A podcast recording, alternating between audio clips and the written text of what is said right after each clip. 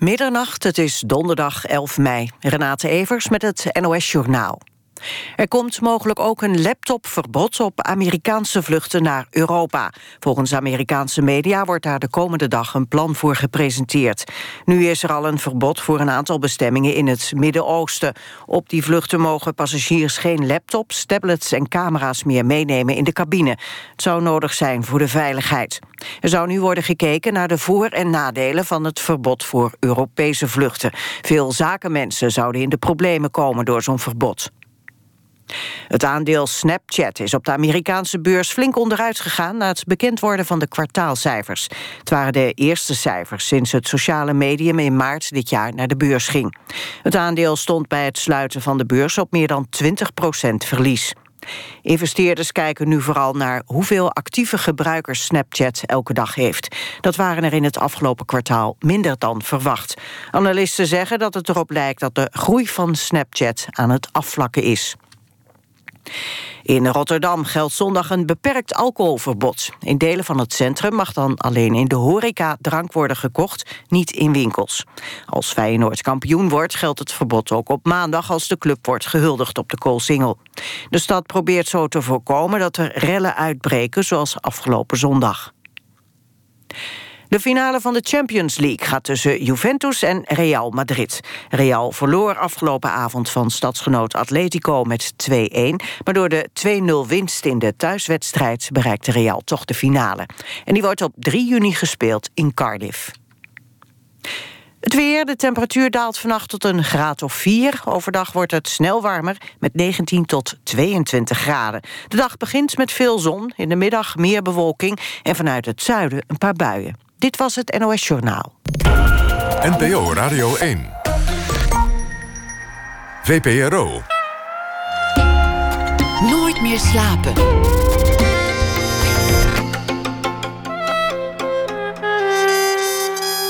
Met Pieter van der Wielen.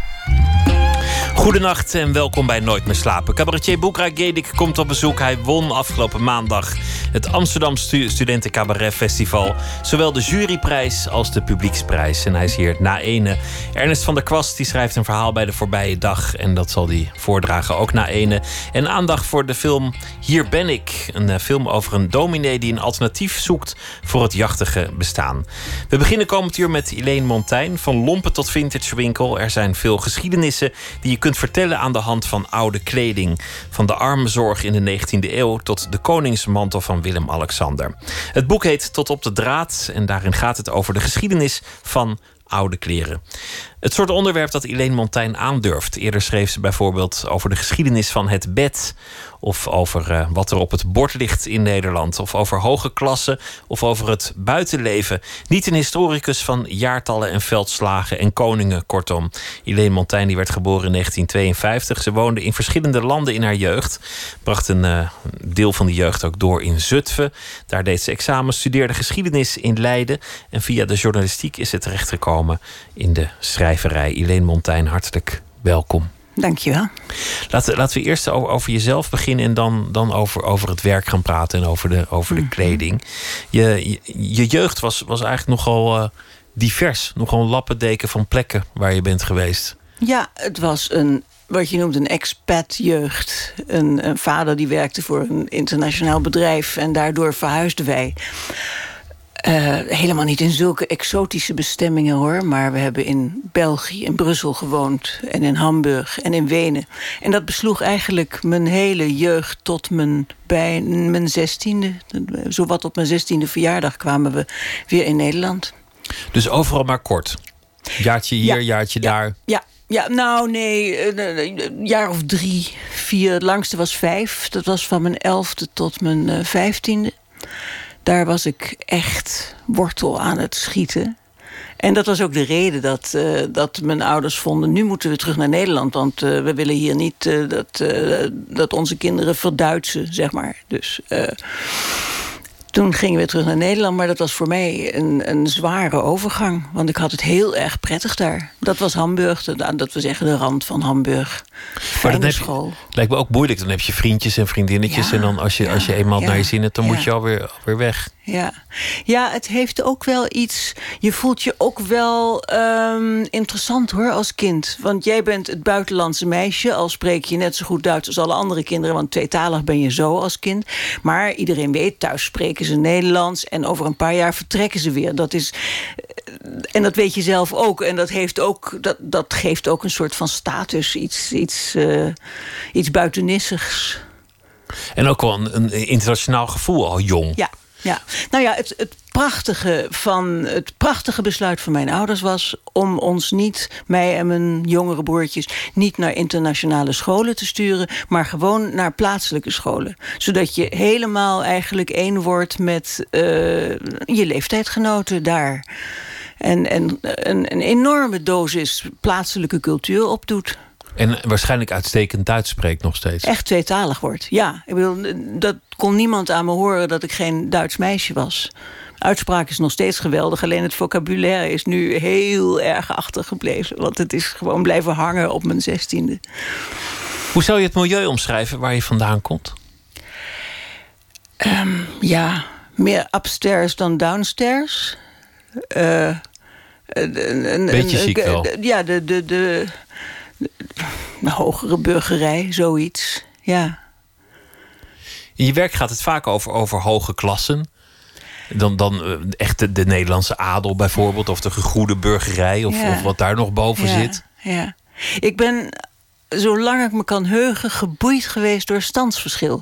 En als historica uh, heb ik echt de overtuiging dat dat zo bepalend was voor de kleur van het leven van eigenlijk iedereen in het verleden. Tot voor, tot voor een halve eeuw of zo was standsverschil echt alles bepalend voor iedereen. En was het ook zo, dat is het grote verschil met, met hoe het na de Tweede Wereldoorlog is geworden, uh, dat het iets goeds was dat je hoog had en laag en midden... en dat iedereen zijn plaats moest kennen... want dat had onze lieve heer zo geregeld. Dus als je daarvan wilde afwijken... dan ging je tegen zijn zin in. Dus dat standsverschil, ja, dat je opkeek, je pet afnam als je een werkman was... of dat je de, de, zo mogelijk aardig was voor je personeel... maar er stilletjes toch ook een soort van... Uh, hoe moet ik het zeggen, neerbuigendheid voor had. Ja, dat sprak vanzelf en dat hoorde zo. En heel bepalend in de geschiedenis. Daar hoorde ook weer liefdadigheid bij. Ja. Uh, bij je stand, dat bracht ook wel verplichtingen met zich mee. Ja, ja. ja maar liefdadigheid heeft twee kanten. Hè? Die, heel, het is natuurlijk eeuwen zo geweest dat arme mensen uh, ervan afhankelijk waren... voor zover ze niet in hun eigen onderhoud konden voorzien. Want sociale voorzieningen bestonden gewoon niet. Afgezien van enkele hofjes en dat soort dingen. Maar ook dat was liefdadigheid. Maar dat, dat werd natuurlijk bevoogd bij het leven. Ik bedoel, mensen, ook de arme mensen die dan bijvoorbeeld kleding uitgereikt kregen, dat beschrijf ik in dit boek. Um, die, kreeg, die mochten niet denken dat ze dezelfde soort kleren kregen als de rijke gevers. Het mocht niet te mooi worden, geen, geen uh, tierlantijnen nee, eraan. Nee, nee, nee. Als een dame al haar uh, jurk zou weggeven... dat kon alleen maar als het een eenvoudige jurk was... maar dan nog zou die dame uh, alle garneringen eraf halen... de versieringen, dat, dat, dat, dat zou anders zo ongepast zijn geweest. En, en een zijden jurk kon je gewoon helemaal niet aan een, uh, een werkvrouw of, of, of een hofjesjuffrouw geven. Nee, dat zou bij de nood, kapot zijn natuurlijk als je, als je erin moet werken. Ook dat, maar het was ook niet gepast. Ik bedoel, arme mensen hoorden niet aan representatie te doen. Representatie was iets voor de hogere standen. Daarom het is een beetje, het ligt er een beetje naast. Maar het heeft in de sociale woningbouw bijvoorbeeld, hè, had je dat arbeiders dan woningen kregen. En die wilden dan graag ook een mooie kamer. Zoals boeren ook altijd een mooie kamer hadden. En dan zeiden de mensen die uh, die huizen lieten bouwen, de, de, de hoge dames en heren, zeiden. Waar heb je die voor nodig? Een mooie kamer? Nee hoor, dat is onzin. Dat is uh, ruimteverspilling. Gaan jullie maar in de keuken zitten. En een eetkamer, dat mag je hebben. En aparte slaapkamers voor jongens en meisjes. Zo hoort het. Liefdadigheid is, kan ook een manier zijn om mensen op hun plek te houden. Uit, het was een manier om mensen op hun plek te houden, ja. Waar kwam dat besef bij jou vandaan? Want je zei, nou ja, wij zaten eigenlijk wat hoger op de trap, eerder dan, dan lager op de trap. Maar, wanneer is dat besef bij jou begonnen dat klassenverschil iets interessants is? Dat het, dat het bestaat. Want wat veel mensen die, die komen daar niet zomaar achter dat er zoiets bestaat als klasse in een samenleving. Omdat je toch in je eigen kring verkeert. In je eigen bubbel zou het tegenwoordig heten. Ja, dat weet ik niet eigenlijk. Ik, nee, ik, ik ben daar. ik denk dat mijn ouders misschien iets bovengemiddeld aan de regels hechten die nu eenmaal gelden in een nette huishouding of zo. Ik bedoel, van mijn moeder en mijn grootmoeder leerde ik dat er één goede manier was om handdoeken en lakens op te vouwen. Dat, dat was nou eenmaal zo. Die, die, die, dat, dat bepaal je niet zelf. Dat was een soort van traditie. Dat soort hele kleine banale regels vond ik al heel erg interessant. Um, ja, Bepaalde woorden misschien ook? Oh ja, natuurlijk. Ja, ja, ja, dat begint vreselijk afgezaagd te worden. Maar er is natuurlijk uh, een, een heel pak regels over hoe je, welke dingen je wel en welke je niet mag zeggen. Je zegt niet, ik ga naar het toilet. Je zegt, ik ga naar de wc. Ja, dat, daar, daar wordt langzamerhand zoveel over geschreven... Dat ik, dat ik het vreselijk afgezaagd begin te vinden. Maar het, het is zeker waar. En al die dingen, die kleine regeltjes en, en ja, manieren waaraan men elkaar herkent ook... die gaan heel diep in je, in je gemoed zitten, in je botten zitten. Ja. Je kwam op een zeker ogenblik na, na wat internationale omzwervingen terecht in de, in de omgeving van Zutphen. Gelderland, ook, ook een streek met heel veel uh, rijkdom en, en ook wel minder rijkdom, maar ook wel een streek van, van adel natuurlijk geweest vroeger. Ja, daar had ik weinig idee van. Dat ja, je had. Uh, uh, je had, een, je had een paar van die mooie huizen. In Eefde woonden we en daar had je, in Vorden had je die mooie huizen. Maar ik geloof niet dat mijn ouders uh, nou verkeerden met de mensen die op die huizen woonden, zoals dat heet. Maar um, ja, dat was opeens diepe provincie. En dat was voor mij als, als 15, 16-jarige was dat verschrikkelijk uh, uh, saai en ontnuchterend. En ik, je wilde ik weg. Ik had zo'n heimwee naar, naar mijn heerlijk omgeving in, in Hamburg. Dat gymnasium waar we aan kunst en cultuur deden. Het was een beetje een elitaire school. Maar oh, wat was het, wat was het heerlijk daar. En toen opeens op dat, uh, op dat lyceum in Zutphen... waar je dan ook nog vijf kilometer heen moest fietsen. Ja, dat vond ik maar niks. Ik ben pas veel later gaan waarderen hoe mooi het in die streek is. En, en uh, ik kom er nu heel graag, want mijn moeder woont er nog.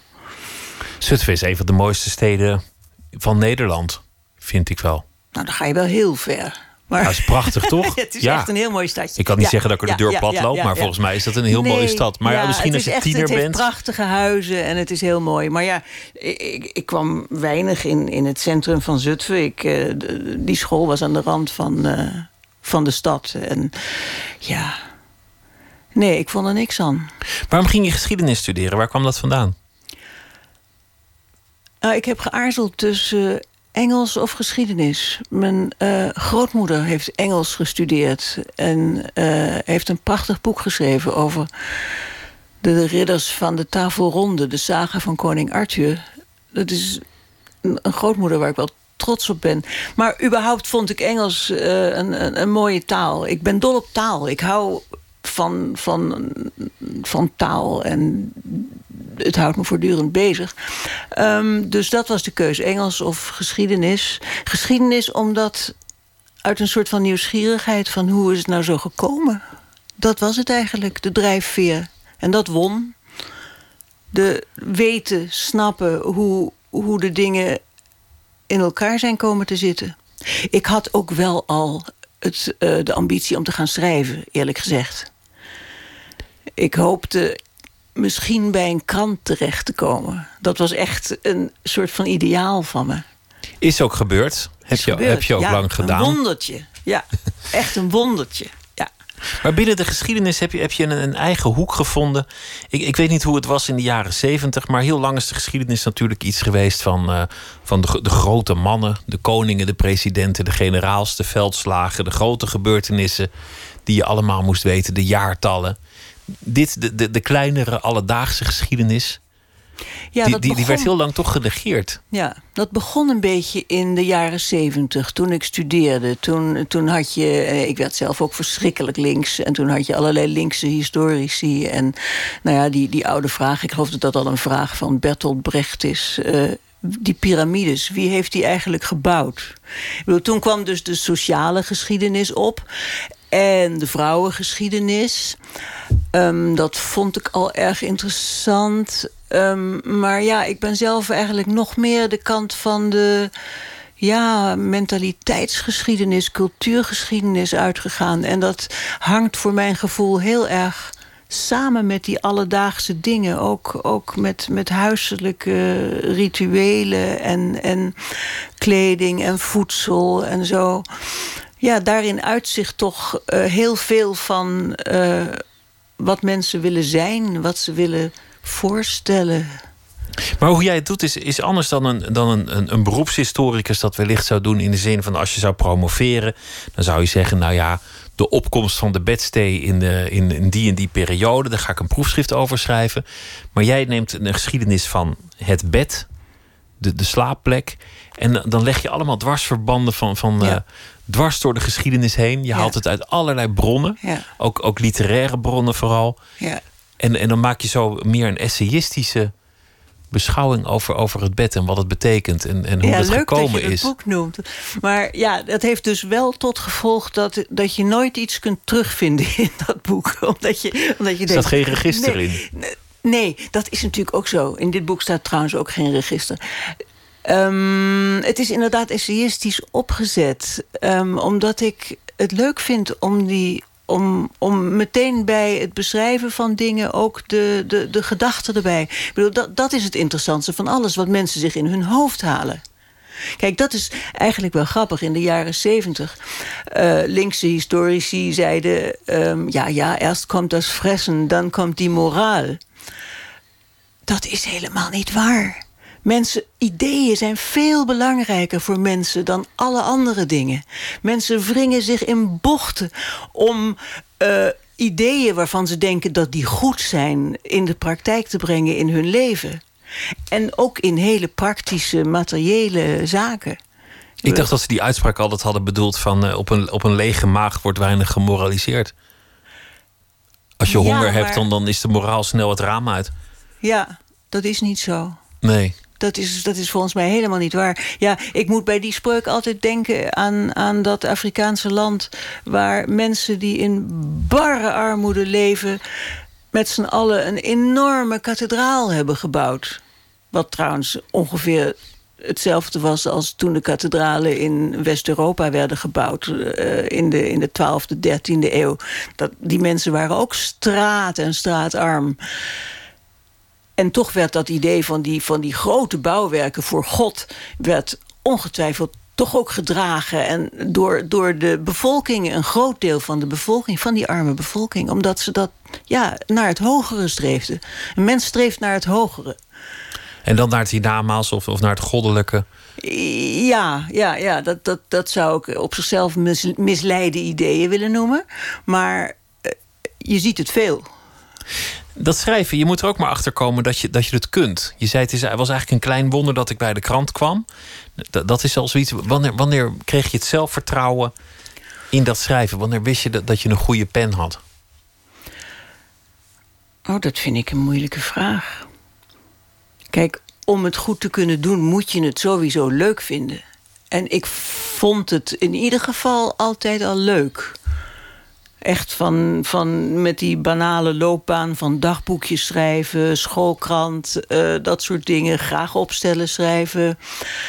En in mijn studietijd veel plezier aan scripties en zo. Ehm, dus ja, nou, ja, dan beschrijf je de voorwaarden. Maar ja, ik, ik kan niks anders zeggen. Je, leert, je leert natuurlijk bij. En een krant is een goede leerschool.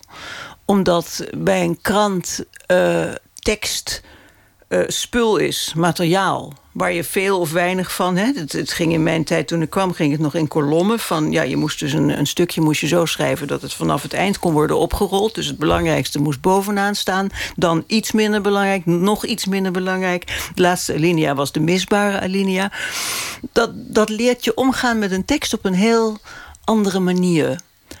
Maar toen moest ik nog wel leren uh, dat uh, een tekst die ik niet begreep waarschijnlijk een slecht geschreven tekst was. Dat het niet aan jou lag? Niet aan mij lag, ja. Dat, dat, dat was een belangrijke stap. Dat gewoon een goede tekst ook een heldere tekst is. Hoe heb je dat geleerd? Wanneer realiseerde je voor het eerst dat dat het geval was? Ja, nou, wat, uh, dat, dat zijn, dat zijn uh, gek genoeg zijn dat persoonlijke vragen. Um, omdat uh, ik dat. Ik ben getrouwd met de zoon van Karel van het Reven. Broer van Gerard Reven en, en de, de essayist. Ja. En ik heb heel veel van Karel en zijn zoon David geleerd over schrijven en de noodzaak om helder te schrijven ik geloof dat dat uh, ja, wel heeft geholpen, een beetje. Als je het hebt over iemand die in de Nederlandse geschiedenis helder essays kon schrijven, dan was Karel van het Reven dat toch, toch zeker. Het was, was toch nou, echt, uh, nou, echt, echt de absolute top in, in het genre. Een fantastisch auteur en stylist. Ja. Ja, die overigens zelf ook in de loop van zijn leven beter is gaan schrijven dat is grappig als je het verzameld werk ziet. Dan zie je dat het gewoon dat, dat, dat die uh, in latere delen gewoon stilistisch mooier, beter schrijft dan in, in de eerste delen. Maar um, ja, dat was trouwens een rare overgang hoor. Want toen ik studeerde in Leiden, toen heb ik tot mijn latere spijt en schande nooit een college van hem gevolgd. Want ik was hartstikke links en communistisch, zeker in die eerste jaren. Dus uh, het kwam niet in me op om bij zo'n uh, anticommunist uh, te Want hij gaf, gaf slavistiek of zo daar, toch? Ja, de, de Russische literatuur. Ja. ja. Ja, ja. Dus mensen die verstandiger waren dan ik, zoals uh, Maarten Biesheuvel en Maarten het Hart, die gingen gewoon naar die colleges luisteren. Maar ik niet. Laten we het straks hebben over, uh, over het, recente werk. Uh, over uh, de oude kleding. Eerst gaan we luisteren naar uh, Offa Rex. En het nummer heet The Queen of Hearts.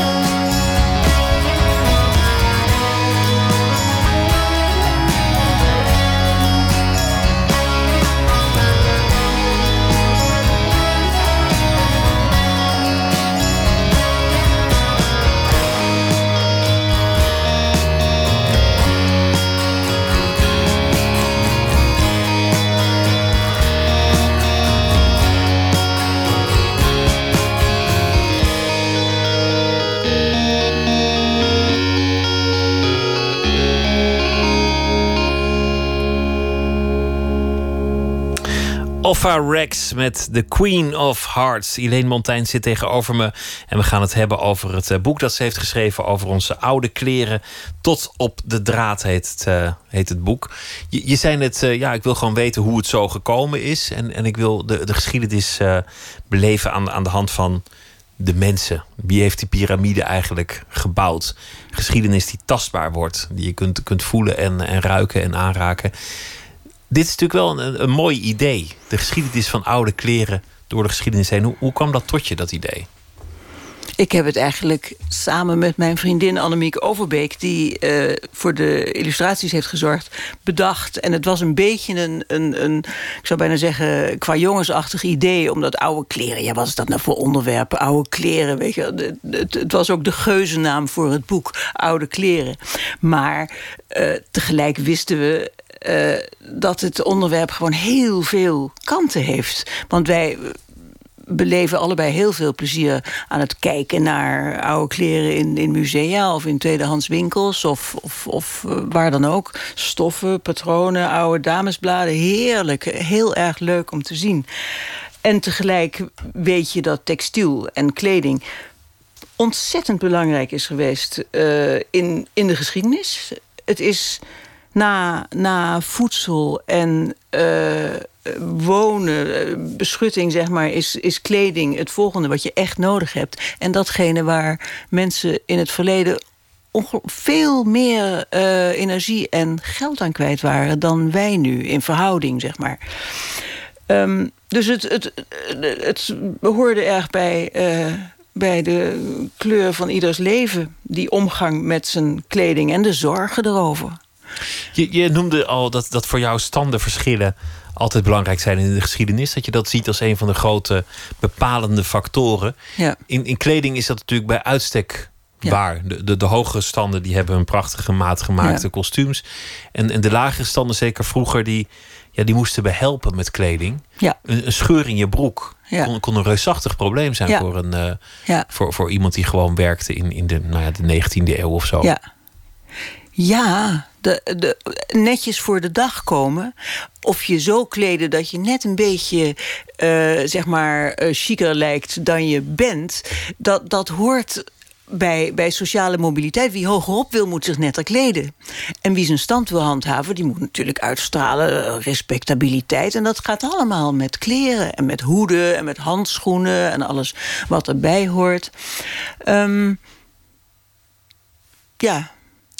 Je beschrijft, je beschrijft de liefdadigheid van de kleding. Je, ja. je noemde er net ja. al iets van. van ja, ze, uh, de hoge standen die, die zamelden kleding in voor de lage standen. Maar dat moest dan wel op een manier gebeuren dat ze zich niet beter gingen kleden dan ze waren. Nee. Dus het mocht niet te mooi worden. Nee. Niet, en dat niet een ze, zijde jurkje, zei je. Nee, en dat ze er niet mee naar de lommerd gingen. Dus uh, kleding die van overheidswegen werd uh, uitgedeeld... of door liefdadige instellingen werd uitgedeeld... die kreeg uh, vaak een merkteken. Want de arme mensen die, die waren dan in de ogen van de gulle gevers geneigd om uh, daar hele verkeerde dingen mee te doen. En naar het pandjeshuis te gaan en geld te gaan halen om vervolgens jenever te kopen. Dat, dat, dat soort argwaan was er. Dus dan moesten die arme mensen moesten met, met kleren lopen waar bijvoorbeeld drie rode kruisjes van het wapen van de stad Amsterdam in ge, opgeborduurd waren. Um, de, de, de argwaan en de neerbuigendheid speelden bij die liefdadigheid altijd een rol. Theo Thijssen heeft daar, pardon, heeft daar prachtig over geschreven in zijn boek Het taaie ongerief. Over die arme jongetjes die op een kerstviering uh, ondergoed krijgen... wat zo ruw en akelig is. Dat, ze helemaal, dat het schrijnt werkelijk. En hun moeder probeert eerst nog te zeggen van... ja, probeer het nou toch en ik vermaak ze wel een beetje. Maar uiteindelijk is die moeder dan ook zo kwaad op die... die ik geloof dat ze zelfs wijven zegt. Die wijven laten ze hun eigen ondergoed aantrekken dat is wel. Ja, dat maar, is een... het, is mooi dat je het verband legt met het heden, waar, waar je nog steeds allerlei uh, acties hebt, van, van het leger des Hels tot, uh, tot zak voor Max en, en, en andere uh, dingen. En er is tegenwoordig ook eentje die um, die, die ook vooral inzamelt bij de wat ziekere ketens en ook, ook bij uh, televisiepresentatoren en zo. Dat mensen oh, kunnen gaan solliciteren. Oh. Ja, ja. Oh, je bedoelt die, ja, de, de Dress for Success. Dress for Success, dat je kunt gaan solliciteren in, een, in een mooi pak, omdat dat je kansen verhoogt om die baan te krijgen. Dat, dat lijkt zo uit de 19e eeuw uh, door te trekken naar het heden. Eh, ja, ja, ja. Nou, ik geloof dat dat een hele. Dat, dat, dat, dat die Dress for Success uh, wel een hele mooie organisatie is... die niet neerbuigend of bevoogdend is... zoals 19e-eeuwse weldoeners, hoor. Er staan geen kruisjes op om, om duidelijk te maken dat het nee, betaald en de mensen mogen die kleren dan houden en zo. Um, maar het is op zichzelf wel interessant dat lief, het oude kleren en liefdadigheid zo nauw met elkaar verbonden zijn. Terwijl we doen tegenwoordig aan recycling van glas en van papier. En niemand denkt eraan dat dat speciaal voor een goed doel moet zijn. Maar juist aan die oude kleren hangt die, die, die geur van, van dat moet naar de arme mensen of naar de behoeftige mensen. En dat, dat is niet toevallig, omdat uh, in het verleden juist oude kleren datgene waren waar, waar arme mensen de middelen niet voor hadden. Zelfs als ze net wel genoeg te eten hadden. Maar een nieuwe broek, dat, dat kon gewoon niet. Dan was het geld op. Je, had je huur, eten, gas en dan, uh, dan, dan, was het op. Dan, dan komt op een zeker ogenblik de, de vintage rage op. Dat begint in de jaren zestig. met, met de hippiebeweging. Tegenwoordig is het alomtegenwoordig. Je, hebt, je hebt vintage kledij, kledij in, in uh, alle rangen, standen, soorten en maten. Sterker nog, vintage is eigenlijk op. Tenminste, dat waar het mee begonnen is. Leuke kleren van voor de Tweede Wereldoorlog of jaren 40, 50. Dat zijn de, de leukste kleren. Die vind je niet eens meer in vintage winkels, omdat ze uh, aan hun eigen succes uh, meer of meer te gronden aan het gaan zijn de kleding is nu helemaal opgedragen of, of heeft een andere bestemming nee, gekregen? Nee, er is gewoon te weinig van. Ik bedoel, de, in, in moderne vintage winkels vind je kleren uit de jaren negentig. En ja, die is al lang niet meer zo leuk als die, als die oudere kleren. En ook niet zo goed gemaakt? Nee, nee. Je kunt eigenlijk in het algemeen zeggen dat hoe verder je teruggaat in de tijd, des te beter de stoffen zijn en uh, de kwaliteit van het, van het naaiwerk ook. Ja. Je haalt aan hoe in de jaren 60, je noemt onder meer uh, Wim Noordhoek, radiomaker, yeah. die, die beschrijft dat, dat, dat dan uh, de, de lompenboer langskwam en dat ze, dat ze die, die, die uh, ijzeren draden die eromheen zaten om zo'n baal van mm. oude kleding loshaalden. Yeah. Om, om dat onderling yeah. aan te doen als een soort hippie-mode. Als een soort dwarsheid. Dat was een ongelofelijke cultuuromslag. Hè?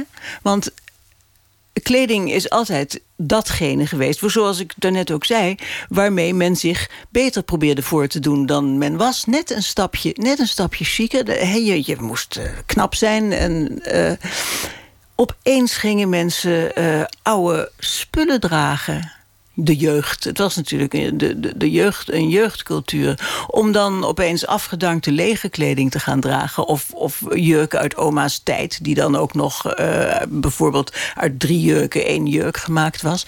Dat was een geweldige cultuuromslag. Maar het heeft kort geduurd dat het, dat het zo vrijblijvend was. Want dan vrij snel werd het gewoon handel. Ja, ja. Maar de, de, het, het bleef zo dat de mode heel erg veranderd was. Ik bedoel, er was echt wel iets gebeurd. Uh, de, de, er was een enorm grote vrijheid ontstaan. Uh, en, en het idee dat men zijn persoonlijkheid uitdrukte met uh, originele kleren in plaats van de mode te volgen en indruk te maken met het allernieuwste en het allerduurste. Dat is echt een, een overgang geweest. Tegenwoordig heb je ook namaak vintage. Dus kleding die gemaakt is om er oud uit te zien, maar ja. die gewoon goedkoop gefabriceerd is, maar dan wel als tweedehands verkocht wordt.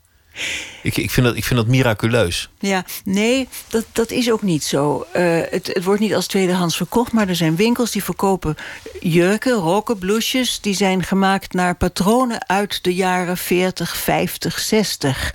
En die worden dan wel in verschillende maten gemaakt, zodat je net als bij gewone nieuwe kleren uh, passende, een passende maat kunt vinden. Dat heb je bij vintage natuurlijk niet of veel minder.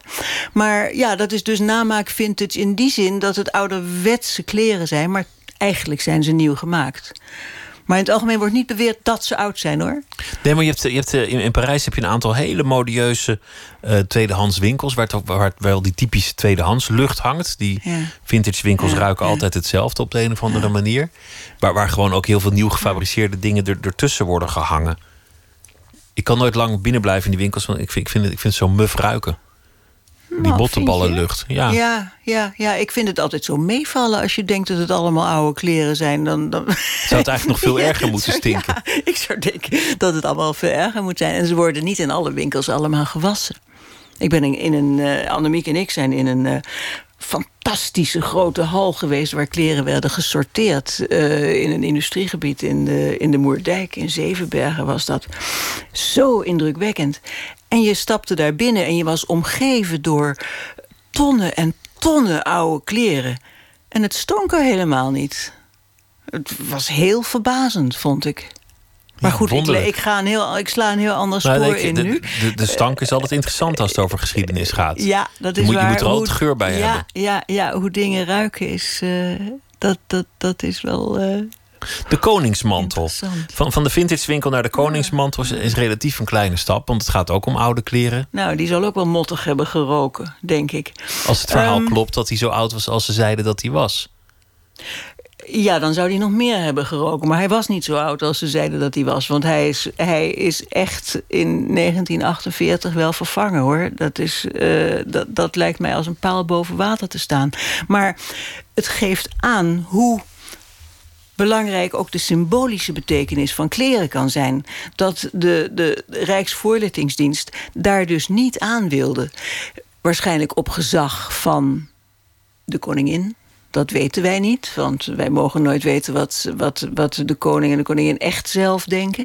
Maar ehm, het feit dat, dat zo'n mantel vervangen is, ja, dat, dat, dat tast te veel dus de hoge symbolische betekenis van zo'n mantel aan. Dus dat wordt ontkend. In die zin is zo'n koningsmantel net hetzelfde als eh eh, relieken zoals de zweetdoek van Veronica en eh, de rok, de heilige rok van Christus, die in de Dom van Trier wordt bewaard. Als daar iemand zou komen en zou zeggen dat is hem niet, nou dan zouden daar ook eh, heel veel protesten tegenkomen. Er was sowieso ontzettend veel te doen om die koningsmantel. Moest hij hem nou omdoen of mocht hij een beetje zo losjes, nonchalant... als, een, als een koorbal op een zomerdag over zijn schouder hangen? dat, er was al een discussie. Er waren mensen die vonden dat hij niet met, met bont zich mocht laten kronen. Dus Mm. Nee, dat, waar. dat, dat Ja, moest er vanaf. Dat en dan- hermelijnenbond, dat was ook nog een ja, ja, dus doorn de- in wilden mensen dat sommigen. eraf halen en dat, dat beest reanimeren. Of ik weet niet wat precies het plan dan was. Maar, Ja. maar in ieder geval, die vonden dat geen, geen mooi symbool. Er er ontzettend Nee. veel te doen Ja. om, om één zo'n Ja. mantel. Ja, Fascinerend. Ja, kan je nagaan. Ja, ja, ja. En, en ze, ze moesten en ze zouden dat ding daar hebben. En, en het werd ook meerdere keren bevestigd dat hij zo oud was en dat er niks aan was Ja. gedaan. En dat Ja. hij in een, in een Ja. kist had gelegen. Nou, dat er niks aan was gedaan. Ze hebben de, ik geloof dat eh, Rutte wel gezegd heeft dat hij gerenoveerd was. Maar dat was dus allemaal veel ingrijpender dan, eh, dan werd toegegeven. Ja. En er was er ook nog eh, te doen over wie hem dan had gerenoveerd. Of, of dat wel een chic genoegen ontwerper was. Ja, ja, ja, ja. Maar dat, dat was dan de, de. Dat ging vooral over, over de vervanging van de mantel in 1948 bij, eh, bij de koning van Juliana. Toen. eh, toen kwam er een hele nieuwe mantel. En die werd gemaakt door een Zwitserse couturier. Die de oude mantel hield. En daar waren gouden leeuwtjes afgetornd. Zodat je nog, zeg maar, de veldjes waar die gouden leeuwtjes hadden gezeten... die zag je nog. Die waren namelijk veel helderder rood dan de rest van de mantel. En daarmee zwierde hij door de homobars van Basel. Nou ja, dat is natuurlijk een verhaal wat helemaal onacceptabel is voor eh, iedereen die eh, echt gelooft in de monarchie. Ik vind het wel een mooi beeld. Iemand die, Ja. gaat, die lekker uitgaat Ja. met andermans Ja. koningsmantel. Ja, ja. Van de koningsmantel is het weer een kleine stap naar, naar iets wat volgens mij re- recent een heel hoge vlucht heeft genomen. Namelijk tweedehands kleding met een, met een prijskaartje. Veiling van historische kledingstukken. Het jurkje van Marilyn Monroe bijvoorbeeld. Er zijn er meer. Of, of gewoon hele chique kleding die, die voor, voor astronomische bedragen ehm, wordt, wordt geveild. En ook sommige kleding die museumstuk wordt. Er zijn Ja. tegenwoordig tentoonstellingen, niet zo lang geleden nog in het gemeentemuseum. Weer eentje. Eh, nou ja, op, op heel veel plekken trouwens. Kleding echt in het museum bijna als een soort kunstwerk. Ja, maar veel oude kleding, of nee, niet veel, maar je hebt eh, heel wat oude kleding die ook echt kunstwerk is. Er zijn fantastische stoffen en fantastische ontwerpen. Dus dat is heel terecht dat die dingen bewaard worden. Die zijn net zo, net zo goed toegepaste kunst als, als sommige porseleinen vazen of eh, eh, prachtige rococo-bureaus. Kleding is natuurlijk ontzettend kwetsbaar. Dus van voor de 18e eeuw is er weinig bewaard gebleven. Maar eh, grappig genoeg is dat eigenlijk ehm, is de erkenning dat, dat kleding een heel belangrijk cultureel goed is, is van vrij recente datum. Dat, het was op zijn best een liefhebberij tot in de jaren tachtig. En je had wel mensen die ze verzamelden. Je had zelfs een kostuummuseum. Echt iets voor dames natuurlijk. Maar het is ontzettend leuk dat de laatste 10, 15 jaar... eh, grote, spectaculaire tentoonstellingen worden gehouden... waar heel veel mensen komen en niet alleen maar een handjevol dames. ehm, waar mooie stukken worden tentoongesteld. En waarover geschreven wordt. Bijvoorbeeld eh, de, de kleding van Marilyn Monroe of van, van andere actrices of van popsterren. In een vitrine liefst. Ja, dat zijn dan weer van die relieken. Hè? Die zijn eerder te vergelijken met de, met de eh, koningsmantel en de rok van Christus, vind ik. Die, die eh, jurk van Marilyn Monroe. Kijk, de, de, de grens is misschien vloeiend, maar eh, het, de Mondriaan-jurkje van Yves Saint Laurent dat is nog als kledingstuk heel erg gewaardeerd. Wordt ook ontzettend veel voor, is heel veel voor betaald. Maar die jurk van Marilyn Monroe is een icoon. Die, die zou niet zo gewaardeerd zijn als die niet door Marilyn Monroe gedragen werd. Dat is meer zoiets als een, een, een haar uit de baard van Mohammed. ja. wat, wat ik wel eens in, het, uh, in een museum heb zien liggen. Ja. ja. Laten we luisteren naar een uh, Amerikaanse singer-songwriter, Nick Hakim. En dit nummer heet uh, Green Twins.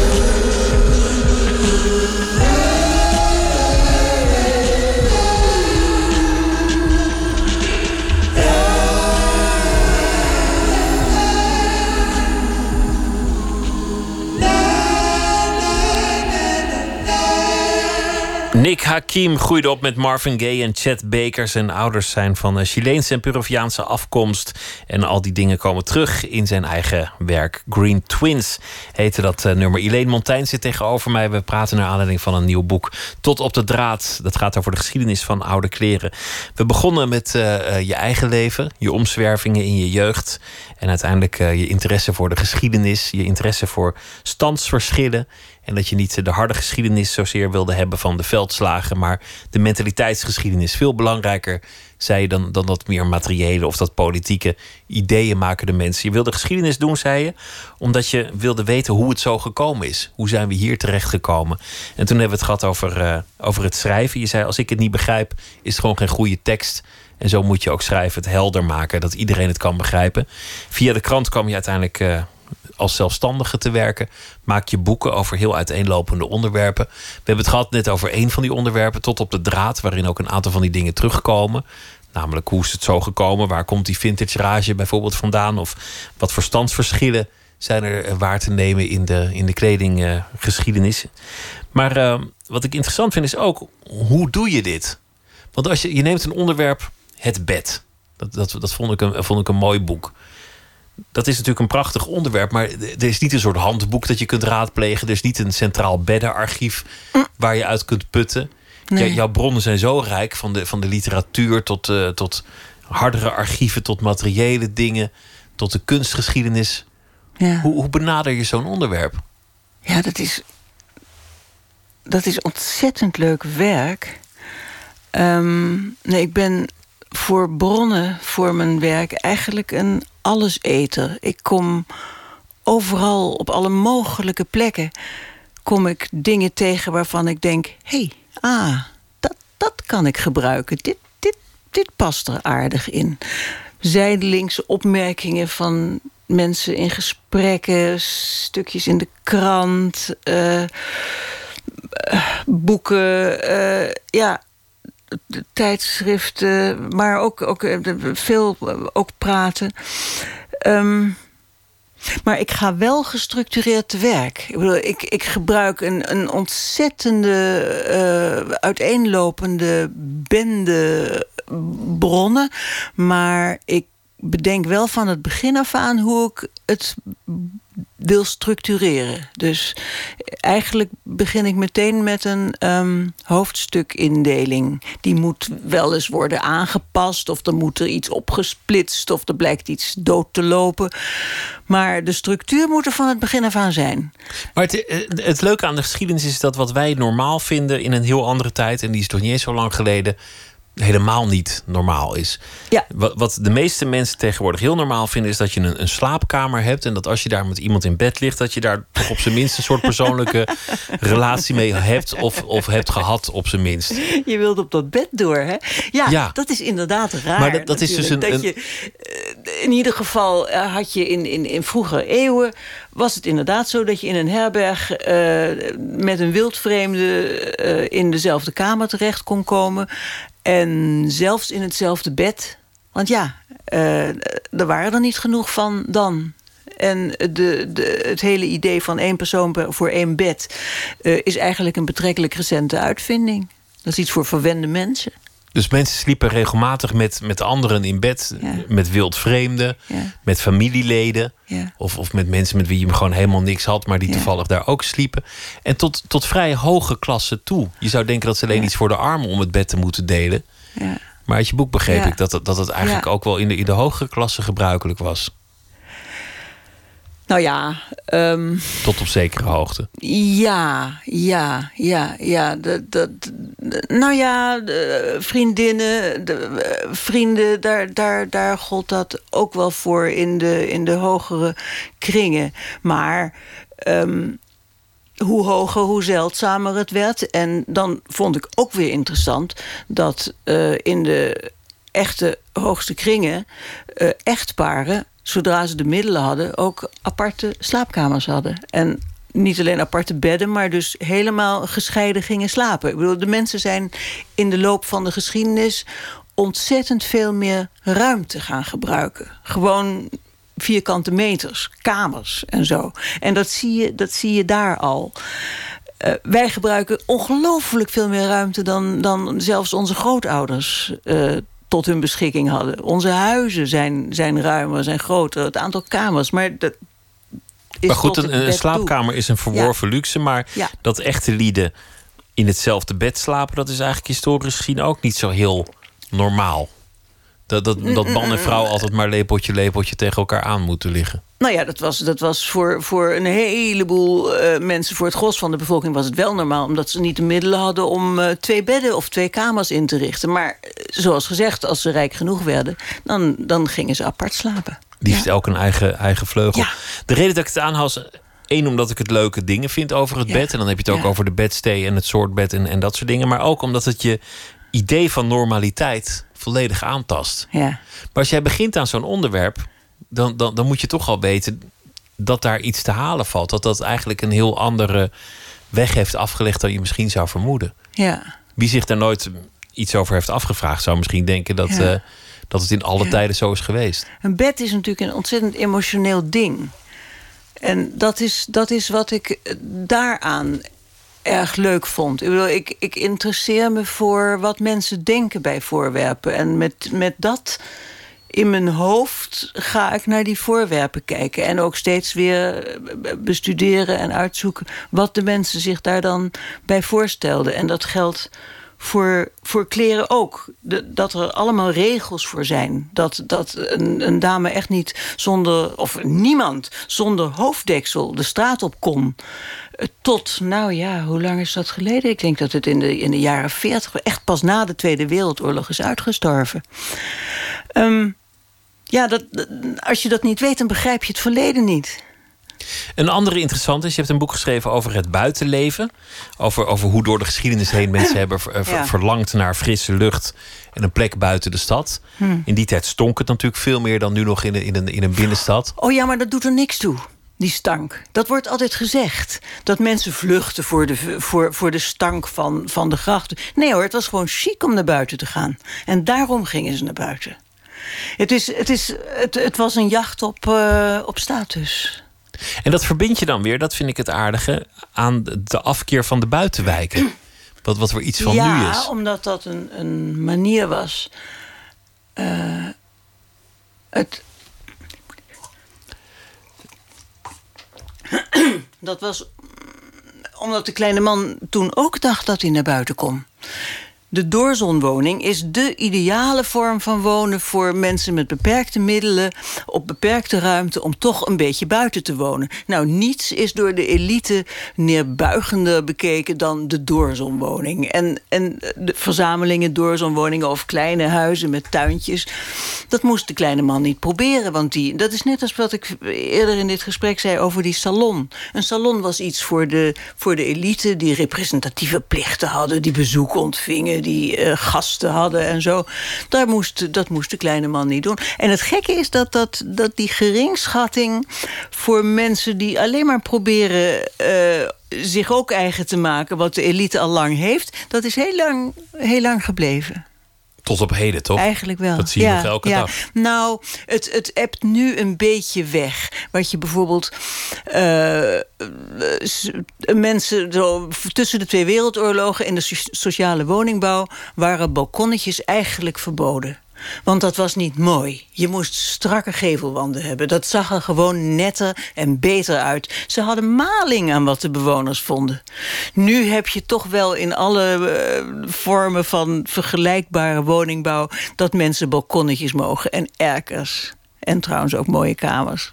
Ik vind elite ook een mooi, mooi begrip, omdat we in Nederland natuurlijk altijd een rare verhouding tot de elite hebben gehad.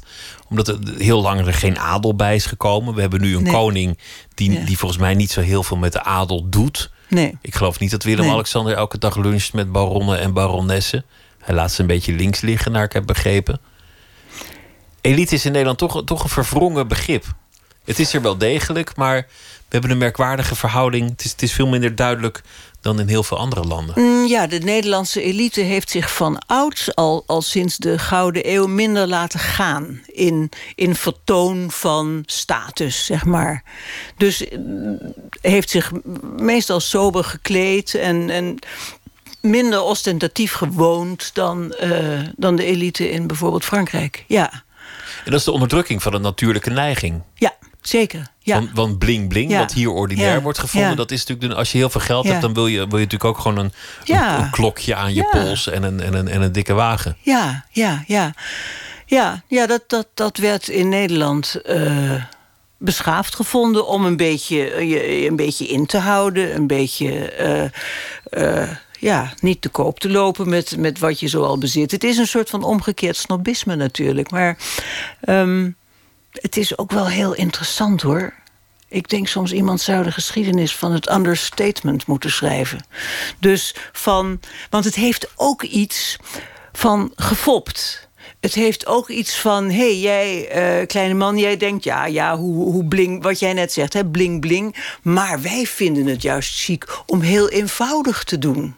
Dat, dat, dat, dat heeft een, een, een, een soort van over-the-topheid. Zodat het zieker is om een, om een kleine portie op je bord te krijgen dan, dan een grote portie. Ja, of, of, of, of, of het chiquer is om met, met de fiets naar je werk te gaan dan, eh, dan in een dure auto. Wat, wat vroeger heette de cycle cycle in, eh, in Amerika. Dat, eh, de ge- gewone mensen waren dan blij dat ze eindelijk een auto hadden. En de directeuren die gingen dan juist weer met de fiets. Wat je in je kledingboek ook permanent ziet. Ja. Dit, ja. dit eh, understatement. Ja, ja, ja. Mooi onderwerp. Dank dat je te gast wilde zijn en dank dat je iets wilde vertellen over, eh, over je werk, leven en ook over het, eh, over het nieuwe boek Tot op de draad over de geschiedenis van oude kleding. Elaine Montijn, dank je wel. Ja, dank jou ook wel. En zometeen eh, gaan we verder met eh, Nooit meer slapen. En dan hebben we heel veel eh, andere onderwerpen. De documentaire Hier ben ik van Sarah Vos en Sander Snoep. Die gaat over dominee Ad van Nieuwpoort. Die in zijn kerk in Bloemendaal een alternatief biedt voor het jachtige bestaan.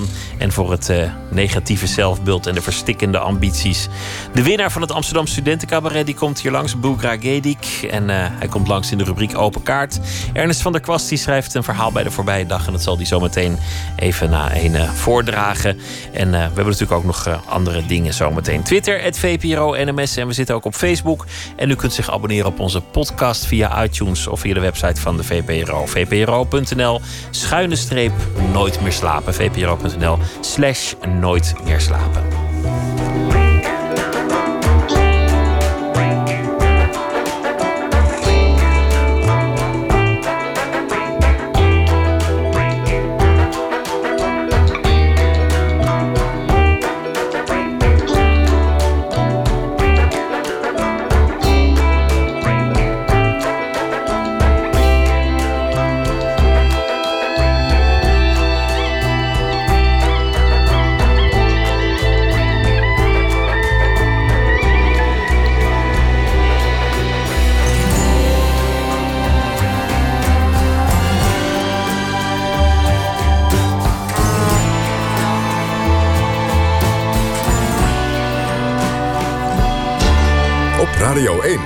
Het nieuws van alle kanten.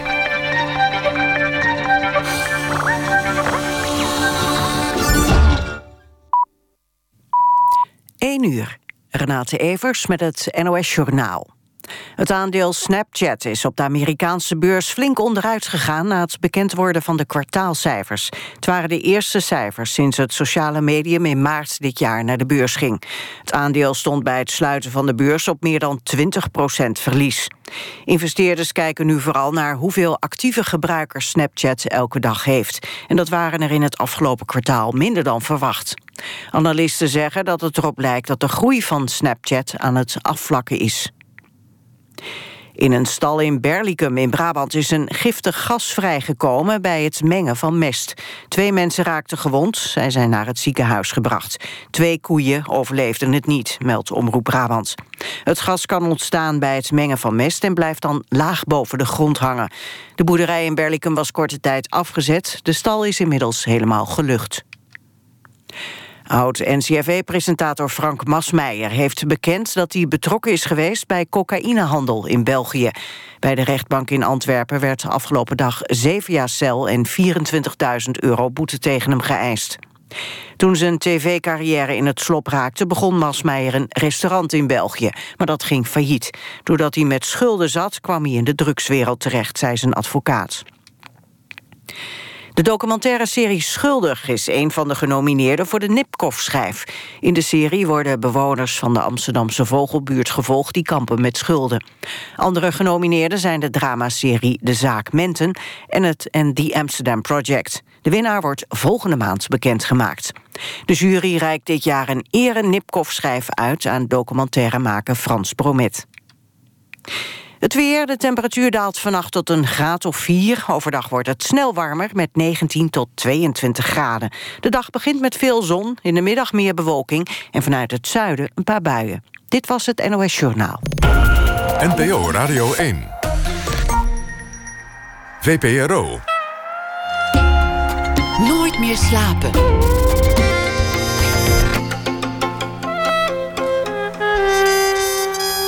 Met Pieter van der Wielen. Zometeen aandacht voor de film Hier ben ik van Sarah Vos en Sander Snoep over dominee Ad van Nieuwpoort, die in zijn kerk in Bloemendaal een alternatief wil bieden aan het jachtige bestaan. De winnaar van het Amsterdamse studentencabaret komt langs, Boekra Gedik. En Ernest van der Kwast heeft een verhaal geschreven bij de dag die achter ons ligt. Eerst het culturele nieuws. Godfather van de Dreamhouse werd hij genoemd. Robert Miles. Hij is overleden op 47-jarige leeftijd. De Zwitsers-Italiaanse DJ was een van de eerste house-pioniers. Hij sloot altijd zijn set af met wat uh, rustiger muziek. En dat heeft hem uh, het, naam, de naam van het genre opgeleverd: Dreamhouse. In de jaren 90 had hij uh, hits met nummers als Children. Hij was al een tijdje ziek. De Noorse brouwerij, of de Deense brouwerij Norebo Bricus heeft in samenwerking met het festival van Roskilde een nieuw biertje op de markt gezet. En de naam daarvan is Pisner. En het lijkt een flauwe woordspeling, maar de naam doet het al vermoeden. Urine van festivalgangers is een ingrediënt in het bier. Althans indirect. Want uh, de urine die is gesprenkeld op de grond waar de gerst op wordt verbouwd. In opluchting, het bier is nog niet te koop in Nederland. Steve McQueen, de regisseur, maakte vandaag bekend dat hij een documentaire wil maken over Tupac Shakur. McQueen uh, maakte eerder films als 12 Years Slave. In zijn jeugd was hij al een groot fan van de rapper. Afgelopen dinsdag kreeg hij van de nabestaanden van Tupac toestemming voor het project. En dat wordt ook nog gefinancierd uit de nalatenschap van de rapper. Vijftien jaar geleden bedacht schrijver, journalist en uitvinder Henk Hofland tijdens een gastcollege aan de Universiteit van Twente de Sisyphus-machine, vernoemd naar de Griekse mythe over uh, Sisyphus die een uh, rotsblok naar de top van de berg moest rollen, die er natuurlijk nooit aankwam en die dus bleef ploeteren. Het is een uh, 7 meter lange, 4,3 meter brede grijper geworden, die een rotsblok van 300 kilo uit het water tilt, met een enorme plons weer laat vallen en dan weer optilt. De machine werd in die tijd nooit gebouwd, maar nu is hij er wel. Volkert van der Wijk zat destijds namelijk in de collegebank en heeft gisteren een variatie van de machine, de taaie tiller, in werking gesteld. Volkert van der Wijk, goeienacht. Ja, goedenacht. De taaie tiller, hij ziet er prachtig uit. Althans op, op de beelden die ik heb, heb gezien. Hoe zou je hem omschrijven? Um, ja, de taaie tiller is een uh, groot bewegend kunstwerk, een kinetisch kunstwerk. Um, dat uh, um, een grote last, een groot gewicht van 300 kilo, optilt uit het water en dan drie meter boven het water uh, laat vallen. En dan komt het gewicht met een grote plons in het water. En dan begint de machine weer opnieuw en dan telkens weer. Eindeloos. Een beetje naar de gedachte van de Sisyphus-machine, de oude mythe. De steen die uh, de berg opgerold moet worden, maar er nooit helemaal aankomt. Het nutteloze werk in een machine verenigd. Dat klopt inderdaad. Uh, de mythologie van Sisyphus is uh, de inspiratie geweest voor dit werk. Alleen in dit werk um, wordt Sisyphus niet als straf gezien, um, maar juist als een optimistische insteek van geef de moed nooit op. En dat de, de doel van de machine is om de kijker aan te moedigen de moed nooit op te geven. Misschien is het wel een straf, maar hij heeft er plezier in gekregen. En hij heeft nog steeds de hoop dat het ooit een keer voltooid zal zijn. Dit is uh, mede geïnspireerd door de colleges destijds, lang geleden alweer, van, van Henk Hofland. Wat, uh, wat hebben die bij jou uh, allemaal losgemaakt? Um, ja, dat is inderdaad zo'n 15 jaar geleden alweer, in 2002. Um, toen, um, ja, toen gaf Henk Hofland vier masterclasses. En ja, in mijn geval, um, Jan was ooit mijn inspiratiebron. En daar had Henk het ook over. en zodoende Ehm, ja, hoe kan ik het vertellen? Ik was natuurlijk nieuwsgierig, dus ik ging overal eh, naartoe. Eh, allerlei lezingen en colleges en zo, dus ook naar dit eh, college. Maar het, het, feit van ehm, het gevecht tussen een, machine en het gewicht. Dat heeft me uiteindelijk, misschien niet direct in die colleges, maar ook later, juist het meest geïntegreerd. Ehm, je hebt een los element, een last die natuurlijk naar beneden wil vallen. En je hebt een machine die bestuurd wordt. En dat is natuurlijk gecontroleerd. En dan zijn die twee, die moeten het samen ehm, ja, voor elkaar zien te krijgen. Het is een knap ontwerp, want het gaat eindeloos door met, met, eh, met relatief weinig energie. Dus je hebt eigenlijk een soort, soort molen ontworpen die, die, die, die voor een groot deel uit zichzelf beweegt. Ehm, dat klopt inderdaad. Ehm, eh, het werkt allemaal op eh, balans. hefbomen met, met bakken. Er zijn, er zitten twee waterbakken aan weerszijden. Of eigenlijk bakken die worden volgepompt met water en daardoor worden ze zwaarder. En als ze zwaarder worden, dan zakken ze naar beneden. En daardoor gaat er een grijper eh, juist omhoog. En die tilt dus de last op. En dan is er inderdaad heel weinig energie nodig om eh, zo'n zwaar eh, gewicht op te tillen. Ik ben wel eens op de werkkamer van Hofland geweest. En hij was, had allerlei frutsels en, kleine machientjes. En, en ja, hij was heel, heel dol op techniek op de een of andere manier. En, en juist dit soort dingen. Het is jammer dat, dat hij dit apparaat nooit meer gezien heeft. Ehm, nou ja, we, we hebben zeg maar eh 15 jaar lang ook samen opgetrokken in het project. Eh, hij heeft eigenlijk eh, alles eh, eh, tot in de details eh, gevolgd eh, van ontwikkeling. En zelfs ehm, ja, vorig jaar, nog vlak voordat hij overleed, toen, is hij, toen heeft hij nog de eerste test van de machine gezien. Toen lag hij nog niet in het water, dus stond hij nog bij de werkplaats eh, op het droge. Maar ja, toen heeft hij toch nog eh, gelukkig de eerste val van de last zeg maar, eh, mogen meemaken. Dus ja, en hij hoopte natuurlijk er nu bij te kunnen zijn, maar dat, eh, ja, dat eh, heeft hij niet gered. Alles is misschien wel zinloos, maar we moeten de moed niet opgeven. En daar eh, is dit misschien een symbool voor. De, de taaie tiller. Volkert van der Wijk, dank je wel. Goeienacht. Ja, dankjewel. Goeienacht.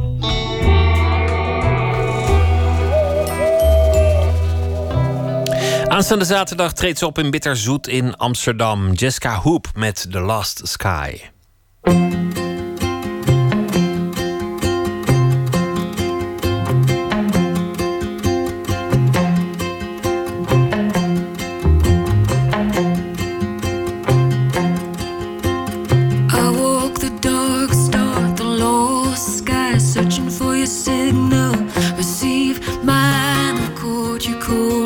Tears, we can laughter, happy ever after. Out of our secrets, we built a home, confide and fortify. Blood born, a love like ours comes round once in a lifetime, sending you a lifeline. The bitter burn of a signal run cold. You became the dark star and left me all alone. Love like ours comes round once in a lifetime, sending you a lifeline. The bitter signal run cold. You became the dark star and left me all alone. Love like ours comes round once in a lifetime, sending you a lifeline. And when we said the words I love you, I said them cause they are true. Why would you say those words to me if you could not follow through? Go wash your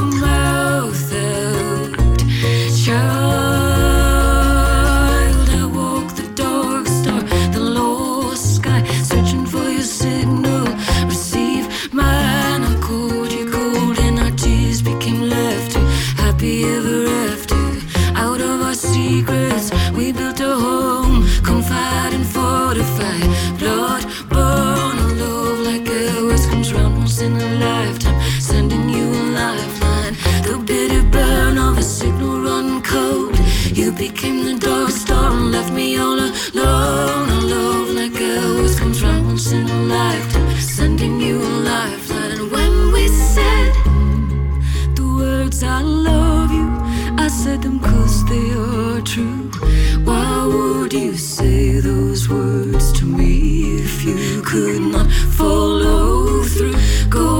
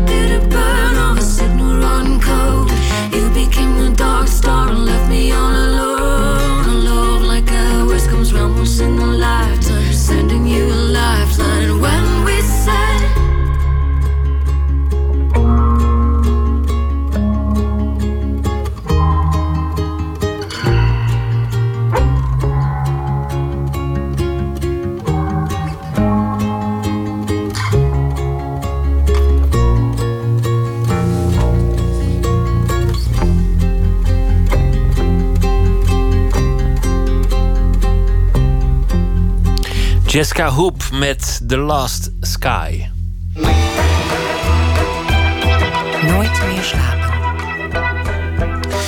krijgt eerder een eh, seriemoordenaar in actie voor je camera dan een topmanager die naar de kerk gaat, zegt althans documentairemaker Sarah Vos. Samen met Sander Snoep maakte zij een film Hier ben ik over een dominee, Ad van Nieuwpoort. En eh, dat gaat over oude bronnen, de Bijbel in nieuwe tijden. En die boodschap die slaat ook aan bij de mensen uit eh, de financiële sector aan de Zuidas, waar die eerder predikant was. En nu in Bloemendaal, het rijke dorp in de Duinen, waar de kapitalistische samenleving en de prestatiemaatschappij het goed doet. Maar wat gebeurt er eigenlijk allemaal in die kerk? Verslaggever Eliane Meijer zag de film, sprak met de predikant Ad van Nieuwpoort en met de documentairemakers Sander Snoep en Sarah Vos. Sander en ik hadden aan het begin een beetje gezegd... zo, het is eigenlijk best wel een heel eh hoog gegrepen ambitie... maar we wilden een film over het leven maken. Ik denk, als je daar je vingers aan brandt... kan je ook niet zomaar ophouden. Ik kan me herinneren dat we onderweg, na eh, een jaar filmen, of misschien al eerder, regelmatig met Ad zijn gaan lunchen, omdat Ad zich afvroeg waar gaat die film nou over? dat Sarah en ik eh, nogal hakkelend zeiden: ja, het is prachtig, het wordt echt heel goed. Ja, maar wat vertel je dan? Ja, het echte leven. Ja, maar wat, hoe ziet dat er dan uit? Ik zou nu eigenlijk nog, eh, nog jaren door kunnen gaan. Ook doordat de hoofdpersonen ons zo dichtbij hebben laten komen. Dan kreeg ik op de terugweg vaak wel weer de slappe lach van... oh mijn god, hoe gaat dit ooit een film worden? Het is de moeilijkste film die we ooit gemaakt hebben. Absoluut.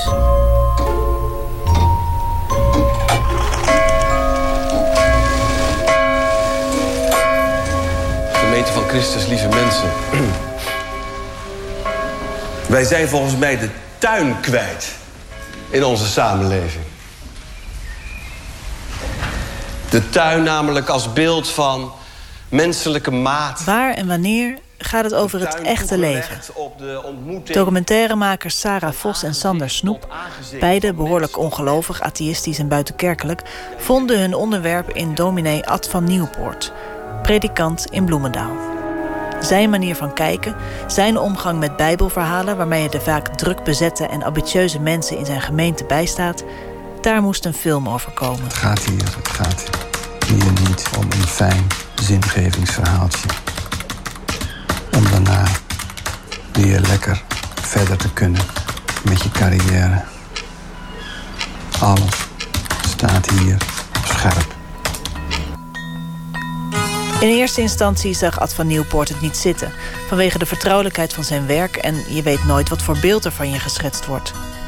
Maar nu is de film er dan toch. Ze hebben intuïtief gevoeld, er is iets mee. Dat willen we laten zien. Fascinerend, zo'n dominee. Ik werkte toen nog op de Zuidas. Wat doet hij daar? Wat is een hele moderne man. Gewoon geseculariseerd. En ze hebben net zo lang gewerkt en tijd geïnvesteerd... om, om daar een soort vinger achter te krijgen. En heel vaak vroeg ik ook tijdens dat proces... waar gaat de film nou eigenlijk over? Hè? En dan kon ze eigenlijk ook niet echt een antwoord geven. Dat moest ook gewoon ontstaan. Het was een beetje ofwel in, net in de crisis of in de naweeën van de crisis. En op een gegeven moment las ik een interview waarin hij zei... we moeten stoppen de bankiers als schuldigen aan te wijzen. We houden met z'n allen dit systeem in stand. En toen was ik eigenlijk meteen gegrepen door hem. Het beeld bij de kerk is heel vaak een soort teruggetrokken gemeenschap. Die zijn heel erg met het geloof in God en, en het hiernamaals of weet ik veel wat bezig. Dat zijn vaak de beelden die men heeft. En, en er is een dominee die dan eh, op zondag een donderpreek houdt. En dan moeten de mensen daar maar weer mee doen. En wat die film laat zien is dat ik gewoon midden in de samenleving sta. En zelf ook onderdeel ben van die samenleving. Ik ben als het ware zelf ook het adres van mijn eigen preek. Ik worstel ook met een hele volle agenda. En hoe ik dat allemaal moet managen met, uh, hè, zoals we dat allemaal hebben in onze generatie. Met, met smartphones. Wat natuurlijk nu ook heel erg aan, aan de orde is. Hè. Dus uh, heel interessant natuurlijk eigenlijk. Dat, die hele serie van Sophie in de Kreukels en Dirk de Wachter. En al die, hè, dat eigenlijk wordt gezegd. Ja, we leven in een samenleving waarin we zoveel willen. En, en we moeten aan allerlei standaarden voldoen. En, en we redden het gewoon niet. Dus, hè, de vermoeide samenleving. Daar gaat het natuurlijk in die film ook over. Herken ik ook. En dan is dus mijn rol in die samenleving... om zo één keer in de week oude verhalen op te diepen, zo zie ik het maar die al eeuwenlang met ons meegaan. En die zouden kunnen functioneren uh, als een kritische spiegel. Maar ook die op een bepaalde manier taal geven aan die worsteling. Inderdaad, even vanavond aan niks jou vertellen. Eigenlijk gaat het niet om Van Nieuwpoort. Maar om de mensen die naar zijn preken komen luisteren... in de Dorpskerk in Bloemendaal. Sarah Vos en Sander Snoep vonden een paar van hen bereid om zich te laten filmen in hun persoonlijke leven. En in hun gesprekken met Ad van Nieuwpoort. Zoals Vincent en Charlotte. Die je hier door de duinen en door hun agenda hoort rennen. Uh, Leiden, Cardea. En s'avonds heb ik echt nodig om uh, cursus voor te bereiden. En dan dinsdagochtend kan ik gewoon de kinderen brengen. Ja. Of we brengen ze samen. Dat is ook leuk. En dan, uh... We hebben dus een aantal, uh, ook een aantal stellen, een aantal corporate stellen die meedoen. En dat is juist een heel bewuste keuze ook geweest... om uh, ook echt alleen aan de achterkant van hun bestaan naar binnen te kijken. Van hoe ziet dat eruit? Achter de glanzende motorkap, zeg ja, maar. Ja, want je ziet ze niet aan het werk. Je ziet ze niet op nee. kantoor of nee. wat dan ook. Je ziet alleen maar dat persoonlijke leven van ze. De persoonlijke levens, ja. ja. Maar dat komt ook omdat het bijna onmogelijk is om... Um, een corporate of een, hè, hoge topmanager... want er zitten wel een paar topmanagers bij... het is vrijwel onmogelijk om binnen die bedrijven te filmen. Ik heb ook in de researchperiode... Um, die heeft ook een paar jaar geduurd, alleen al de research. We hebben in totaal zes jaar over die film gedaan. Ben ik ook met een aantal mensen vrij ver gekomen... maar ook die ergens in de top zaten van uh, grote bedrijven...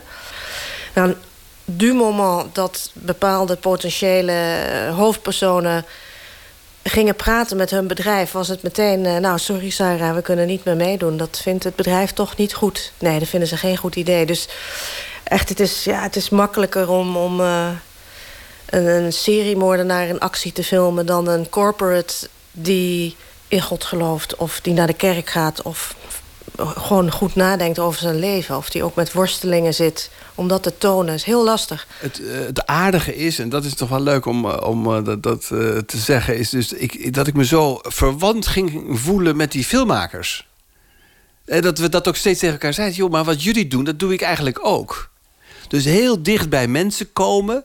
Proberen al die façades af te pellen. Wachten. Het is eh, natuurlijk filmen. Zo'n documentaire film. Bedoel, hoeveel uren er niet gefilmd is. Is wachten. Wachten op het moment dat mensen even niet meer die camera zien.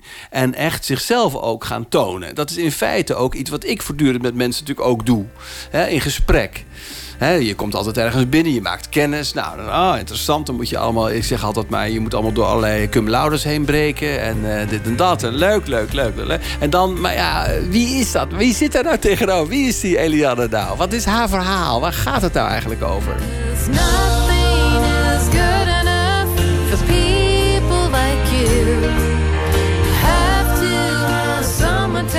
In de film komen alle fasen van het leven voorbij. Er wordt een kind geboren, twee mensen trouwen, het gaat over een scheiding. De familiebanden worden op tafel gelegd, de dood komt voorbij. Ogenschijnlijk gebeurt er niets opmerkelijks. Maar niets is complexer dan het gewone leven. Voor Sarah Vos en Sander Snoep diende de film Magnolia uit 1999 met de beroemde soundtrack van Amy Mann en de verschillende met elkaar verweven verhaallijnen ter inspiratie. Het rennen, het trainen van de marathon is echt met een steadycam gedraaid op een golfcar, elektrische golfcar. Daar zijn we mee door Bloemendaal gaan rijden. Als je je voorstelt hoe, Het uitzicht wat, wat Vincent en Charlotte moeten hebben terwijl ze gefilmd werden, dat was natuurlijk hilarisch. Dat doe je normaal gesproken niet in een documentaire. Dan ga je gewoon of uit een auto filmen of je rent mee. Maar zo'n golfcar met een steady, steadicam is echt een groot apparaat... zodat hij alle schokken eruit haalt. En eh, dat wilde je per se? Wilden we per se om het juist een soort abstractie te geven. Bijna een fictiewerkelijkheid. Dat je denkt, dit is niet waar. Het is niet, het is niet echt. Het is niet echt. De symboliek van wat Vincent en Charlotte overkomt... doet inderdaad denken aan hoe Magnolia speelt met fictie... en welke dingen te veel lijken op fictie om werkelijk te gebeuren. Dus was nog precies twee kilometer waar we precies lagen op dat schema. De ambitieuze Vincent stort in. Eén kilometer voor de finish van de marathon van New York. Zijn vrouw vangt hem op. En op dat moment dat ik hem staande hield, uh, zakte hij dus door zijn benen. En uh, zakte hij helemaal in elkaar. En uh, je kon echt niet meer praten, je kon niet meer... Ik probeerde het wel, maar het was helemaal niet meer verstaanbaar. Vincent overlijdt bijna. Ad vraagt dan, maar, dus was je nou bang dat, hè, dat Vincent uh, zo hard doorwerkt uh, en traint dat hij het leven laat? En daarin zegt ze nee, daar was ik niet bang voor. Ik werd met mijn neus op de feiten gedrukt dat als je nou heel hard ergens voor traint, dat je dan wel succesvol zal zijn. En dat bleek dat dat niet gebeurde op dat moment. Nou moet ik altijd terugdenken aan de marathon als wat een verliesactie. Wat een... Je bent een uitzondering. Ja. Je bent echt de loser, ja. Ja, dat is nogal wat wat je nu zegt, hè? Ja, je moet een winnaar zijn. Hè? Alles wat daar buiten valt, dus pijn, verdriet, lijden... dat wordt direct bestempeld als loser. Dan ben je een loser. En daarmee zijn we zo geïnfecteerd dat... Ja, dat is echt het voorbeeld. Het rennend echtpaar in de film wil doorrennen... omdat ze zichzelf toch als een loser hebben beschouwd. En... Dat moet goed gemaakt worden. Ja, zeker. Ja. En dus rennen Vincent en Charlotte de marathon nog een keer. Ditmaal wel met een medaille tot gevolg. Ik herken dat ook één op één. Ik heb zelf ook die neiging. Je wil toch altijd door en het beste eruit slepen. En uh, ja, dan zeg je, wat, wat, wat helpt het of wat doet het... of wat doet zo'n film bijvoorbeeld met je... maar of wat doet Ad van Nieuwpoort met je die confronteert je daarmee. Laat ik zeggen, in deze wereld vind ik vrij weinig tegengeluiden. Dus je kan blijven doorrennen in, in die rattenmolen, zeg maar. En het is vrij uniek om iemand te vinden die, die je raakt. Die je, die je daar even krabbelt aan jouw bestaan. En die, die dat nota bene doet met het oudste boek van de wereld, met de Bijbel.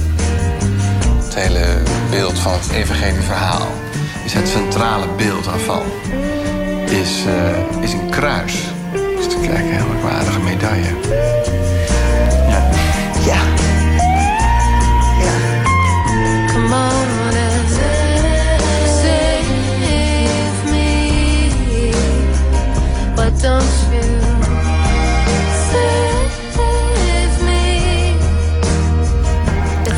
Dominee Ad van Nieuwpoort in de film Hier ben ik van Sarah Vos en Sander Snoep vanaf morgen te zien in de bioscoop. Nog een film die in première gaat, The Circle, naar het boek van Dave Eggers, waarin een uh, angstaanjagende toekomst wordt geschetst. En uh, een van de liedjes die erin te horen zal zijn in die film is van Lonnie Ross, Something Old, Something New. Something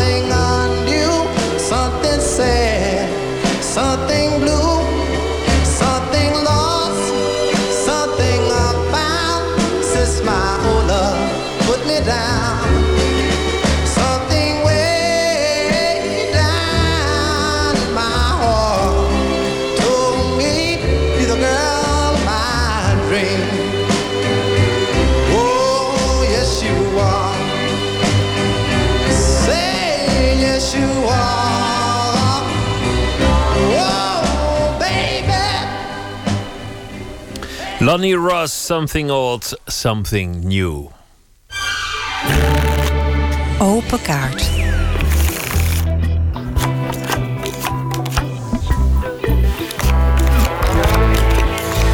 De rubriek heet Open Kaart en eh, het is een kaartenbak met 150 vragen over werk en leven. Tegenover mij zit uh, Boekra Gedik. Hij uh, won afgelopen maandag het Amsterdam Studenten Cabaret Festival, de jury en de publieksprijs. Het juryrapport roemde hem vanwege zijn timing, van, vanwege zijn uh, rauwe comedy over afkomst en identiteit, maar ook over studentenproblemen. Naast uh, komiek is hij ook uh, student Nederlands en hij is dichter. Boegra, welkom en hey. allereerst gefeliciteerd met deze prijs, Dankjewel. deze overwinning. Dank je. Relatief snel in je, in je loopbaan als, als komiek. Ja, inderdaad. Ja, dat klopt. Ja, ik doe het nu 2,5 jaar, ongeveer iets meer. Um, ja, voor comedians is het zo. Wij weten allemaal dat het echt tien jaar duurt voordat je een beetje weet wat je doet. Dus uh, daarom zal dit waarschijnlijk ook niet zoveel betekenis hebben voor later. Waarschijnlijk over een paar jaar zeg ik, wat deed ik toen eigenlijk? Uh, maar het is wel leuk om het nu mee te maken, om in het moment te leven. Dus ik ben heel erg blij dat ik dit heb mee mogen maken. Om die, uh, om die prijs te krijgen, maar je bent niet meteen naast je schoenen gaan lopen, want daar, daar waak je voor. Nee, absoluut niet. Absoluut niet. Uh, zoals ik je daar net even offline al vertelde. je wordt gelijk op je plek gezet als je, je denkt dat je wat bent. Dus, uh, als komiek. Ik bedoel, als je opkomt en je, en je, bent, je hebt dan een soort air ja, om je heen, dat, dat kan je fataal worden. Ja, dat, daar prikt het publiek dwars doorheen. Dan kan je nog wel nederig spelen of zo, maar dat, dat, dat helpt niet. Je moet echt, ik, ik, dat is iets wat ik laatst tijd heb, een beetje heb geleerd. Je moet echt liefde voelen voor mensen aan wie je iets vertelt, anders werkt het gewoon niet. En ja, dat is toch wel de kunst, denk ik. Hoe is het begonnen op het podium staan en, en grappen vertellen? Oh god, nou, ik, ik, was altijd wel een beetje een lolbroek of zo met uh, vrienden. Altijd grappig doen en zo. En um, ik was heel erg fan van comedy.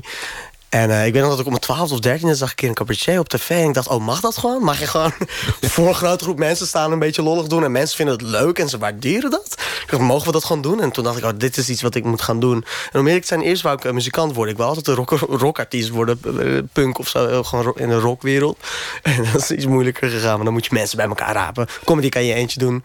Dus ja, dat bevalt me wel. Maar je bent ook, je bent ook dichter. Dat, dat zijn twee beroepen die lijken op het eerste oog niks met elkaar te maken hebben. Ja. Maar, maar als je erover nadenkt, ligt ze op bepaalde vlakken misschien ook weer best dicht bij elkaar. Ja, maar ik, zei, ja, ik begon ook op een middelbare school zo rond mijn 15, 16 met uh, gedichten schrijven. En vaak waren ze ook wel komisch van aard. Ik probeerde een beetje grappen te maken binnen poëzie. Ik weet niet waarom ik toen niet wist dat je ook gewoon kon vertellen. En dat het grappig kon zijn. Ik dacht dat het een soort dichtvorm moest hebben of zo.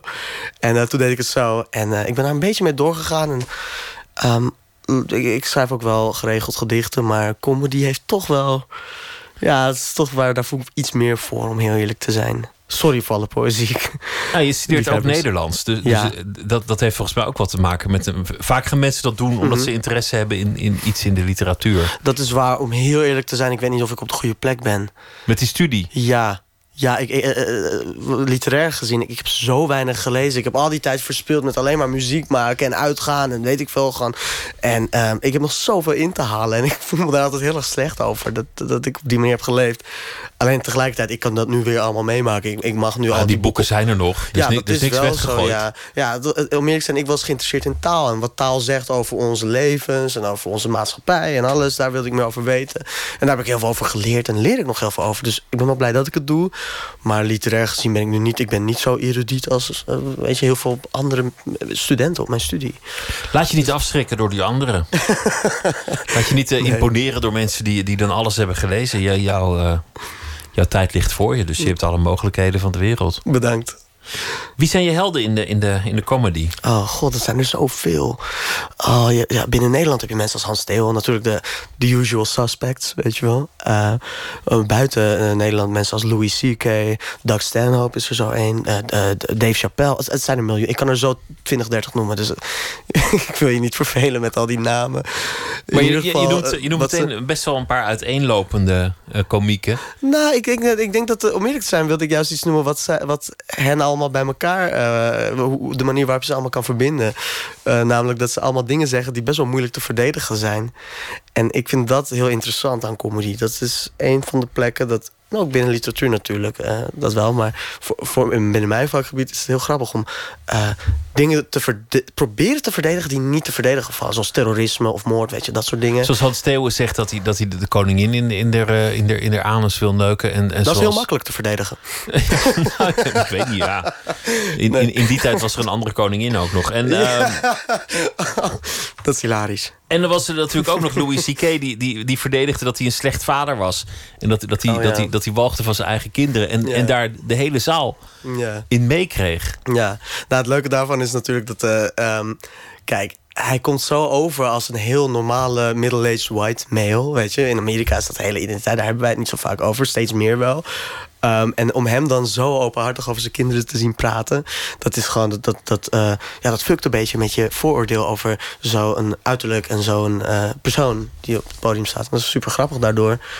En ja, dat is wel leuk om te zien dus. En voor, vanuit mij is het dus leuk. Mensen vinden het van mij leuk om te zien bijvoorbeeld dat ik dan... Ja, eh, omdat ja, mijn ouders komen uit Turkije. Dus als ik eh, grappen maak waarin ik dus eh, Turkse elementen gebruik... vinden ze dat enorm leuk om te zien.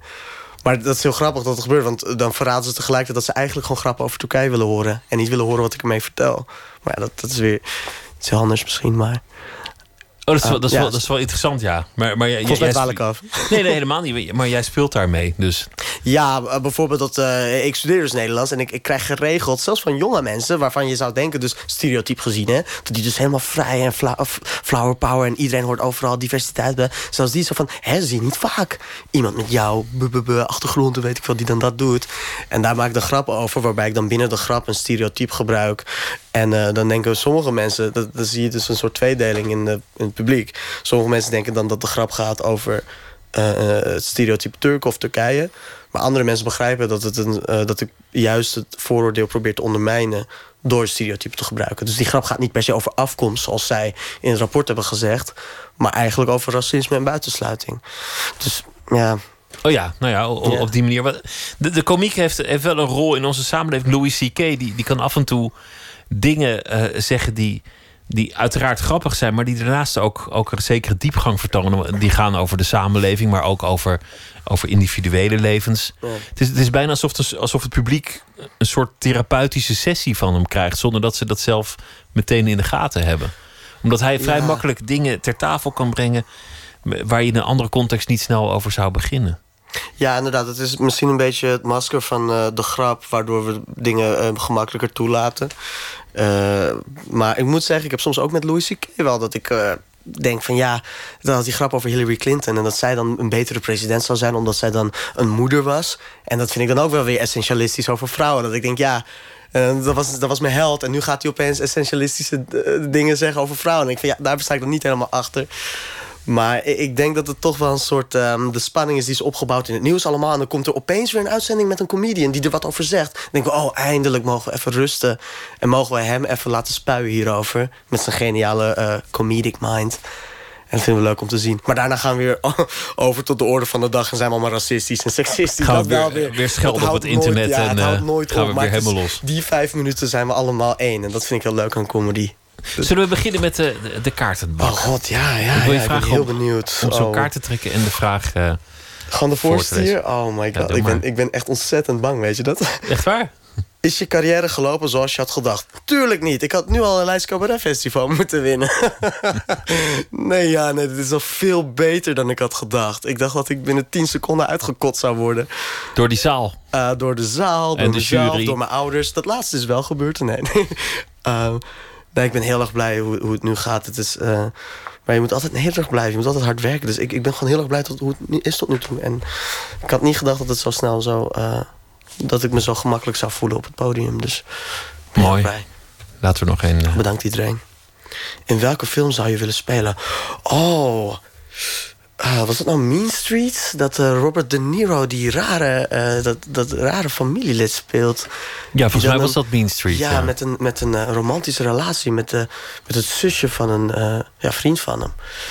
Ah, dat vond ik wel een hele mooie verboden liefde... waarin hij dan echt totaal los staat van wat hoort binnen die kringen. En soms voel ik me ook wel zo. En ik denk dat ik die rol wel graag zou willen spelen. Trek er nog oh, wauw. Dit is echt superleuk. Welk boek zou je ooit nog willen lezen? oh god, ik heb bijna geen boeken gelezen. Ik, ik schaam me enorm. Nooit meer slapen. Van Hermans. heb ik ook nog niet gelezen. Nou, dat is een mooi boek. Die kan ik je aanbevelen. Oké, dankjewel. Wat is je terugkerende nachtmerrie? Ah, maar dat is heel abstract. Ik heb heel abstracte nachtmerries met allemaal vormen en zo... waar ik dan heel erg bang voor ben. Dus ik heb niet... eh dat is met allemaal, al- dan ben ik opeens... eh, zie ik in tweedimensionaal... eh, in twee dimensies zie ik dan een vliegtuig heel hoog... en dat is heel eng. En dan ben ik opeens op een plek heel diep. Ehm, dus ik, ik kan niet zo goed uitleggen... maar ik heb hele abstracte nachtmerries... en daar ben ik echt ontzettend bang voor. Ja, het is een rare Trek emotie. het- Doe me niet die voorstel, want ik merk dat ik heel Oh. slecht ge- geschud heb. Oké, oké, oké, oké. Wat is je mooiste tekortkoming? oh, god. Oh, mijn mooiste tekortkoming. Eh ah. ik denk toch dat, dat ik niet de aller... aller eh, eh, ik denk dat ik een beetje gek in mijn hoofd ben. Ik heb een beetje stemmingswisselingen. En eh, ik kan heel plots heel verdrietig raken. En ik vind dat wel een emotie die, ehm, die ik ook heel erg kan koesteren. En ja, ik, ik vind dat heel erg mooi om te hebben, toch wel. Dus is het een tekortkoming? Dat is dan wel weer de vraag. Daarom is het zo'n goede vraag. Maar ik vind het mooi om uit het niets eh, me heel erg... eh, heel, Melancholiek heel- te worden. Ja, dank je. Dank je. Ja, dat, dat, eh, daar kan ik helemaal in zitten. En dan, dan kom ik eruit en dat vind ik echt prachtig. Ook huilen. En, eh, Dat is ook wel lekker, ja, dat melancholie. is waar. Maar in deze, in deze wereld is het op de een of andere manier... Met, ook met de genderrollen is het raar dat je dat eh, doet allemaal. Je moet altijd maar je goed voelen. En eh, wat dat betreft is het dus geen tekortkoming. Maar dat dan, dat ik uit het niets me heel erg anders kan voelen. En daar komt heel veel creativiteit ook uit. Of heel veel inspiratie uit, denk ik. Dus Kan je zo ineens overvallen, dan heb je die, die melancholie. ja, ik heb het vandaag al een paar keer gehad. Is En wat een- doe je dan? Oh god, gewoon echt, echt heel erg erin zit. Echt, echt, echt, ook echt erover in zit van ik ben gek en ik ben raar. En dan ga ik proberen muziek te luisteren. En dan slaat het over van... eh, eh, er is een Turkse muziekstijl eh, genaamd arabesk, wat ze noemen. Wat eh, heel dramatisch is met dramatische teksten. En, maar dat is van daar naar Frank Zappa, naar Lou Reed. En dan kan ik heel erg gewoon in mijn eigen wereld zitten. En echt denken van, ah, wat, wat is het toch met mij? Waarom ben ik zo gek? En dan kom ik uit en denk ik, oh, oké, ja, weet je, ik ben een of andere comedy dude. Ik moet wel gek zijn. Ik, ik had niet normaal kunnen zijn. Wie is er nou weer normaal en gaat creatief zijn of zo? Zo'n romantisch Nee, als je, als volkomen normaal was, wat het ook zijn mogen, dan- stond je niet op een podium grappen te Ja, vertellen. dus dat is ook zo. Als er iemand binnen zou lopen en die ziet 600 mensen daar... en één gast zit een beetje raar te strippen... wat ik maandag heb zitten doen... die denkt dan niet... volgens mij is er iets mis met die 600 mensen. die denkt, die gast is niet helemaal... Die eh, gast is raar. ja, dankjewel. Uh, fantaseer je wel eens over je eigen begrafenis? Oh, wauw. Ja, enorm veel. Maar ja, dat doen we allemaal als het goed is. Ik denk dat het andersom is. Als je dat niet doet, dan is iets mis met je. Als je gewoon blind het leven doorgaat met... ja, dit is allemaal leuk, dit is allemaal leuk. Ik ga nooit dood. Oh, wat vaak. En wat zie je dan voor je als je, als je aan die begrafenis denkt? Uh, nou, om eerlijk te zijn, dan zie ik voor me hoe ik er zelf over fantaseer. Dat is zo egocentrisch, maar ik zie dan dat ik zelf denk... ja, nu ben ik dood, iedereen, hahaha. En dat iedereen dan ook uh, ja, het kut vindt allemaal, weet je wel. Um, maar tegelijkertijd denk ik ook wel dat ik heel erg bang ben... dat ik heel eenzaam ga sterven en uh, zonder mensen om me heen. Dus fantaseren zou ik het dan niet noemen per se. Um, maar ja, dat dus. Dat ik, uh, mijn eigen begrafenis wordt niet een grote get-together... Of juist wel. Dus het is, maar heb, heb je daar een, een, beeld bij? Ja, je zult het zelf nooit weten. Dat, dat is de, de gein aan. Nou, ik ben nog nooit naar een begrafenis geweest eigenlijk. Ik denk maar naar één begrafenis. Naar de, maar no, ik heb nog nooit een kist in de, in de grond zien zakken. Dat, heb ik nog nooit gezien. Een beetje vreemd misschien. Maar eh, omdat ik nog maar bij één echte begrafenis ben geweest persoonlijk. Ik weet niet hoe ik dat heb geflikt. Um, terwijl ik, ik vind de dood enorm fascinerend. Dus ik had daar vaker erbij moeten zijn eigenlijk. Ik zie mezelf dan bij Buitenvelder. Bij de kerkhof daar. Volgens mij is het daar is een kerkhof, toch? Ja, ja. Daar fantaseer ik het dan bij, dus wat betreft locatie. Maar verder, ik weet niet zo goed. Ja, meestal is er, meestal is er in praktijk niks aan, zo'n uh, zo'n begrafenis. Ja, het lijkt me, ja. Het lijkt, het lijkt me niet dat ik er enorm van geniet of zo. Ik moet meteen denken aan die film van uh, de, de, man die van vrouwen hield. En dan, dan, dan wordt hij begraven en dan staat er een eindeloze rij snikkende fotomodellen. De ene vrouw nog mooier dan de andere. nou, dat heb ik nog niet gefantaseerd. Maar uh, ik moet zeggen, uh, het lijkt me niet onaangenaam. Boekra, dankjewel. En heel veel succes met alles dat uh, verder gaat komen. Hartstikke en nogmaals gefeliciteerd met het winnen van het Amsterdamse Studenten Cabaret Festival. Hartstikke dankjewel. Bedankt, Pieter. Dank je. Dit was te gek. Ryan Adams heeft een, een nieuw album uit, alweer een uh, paar weken. Prisoner. En daarvan zijn ook nog de niet uitgebrachte B-kantjes verschenen. Prisoner Sessies heet dan uh, het album. Of de Prisoner B-sides. En daarvan uh, draaien we Broken Things.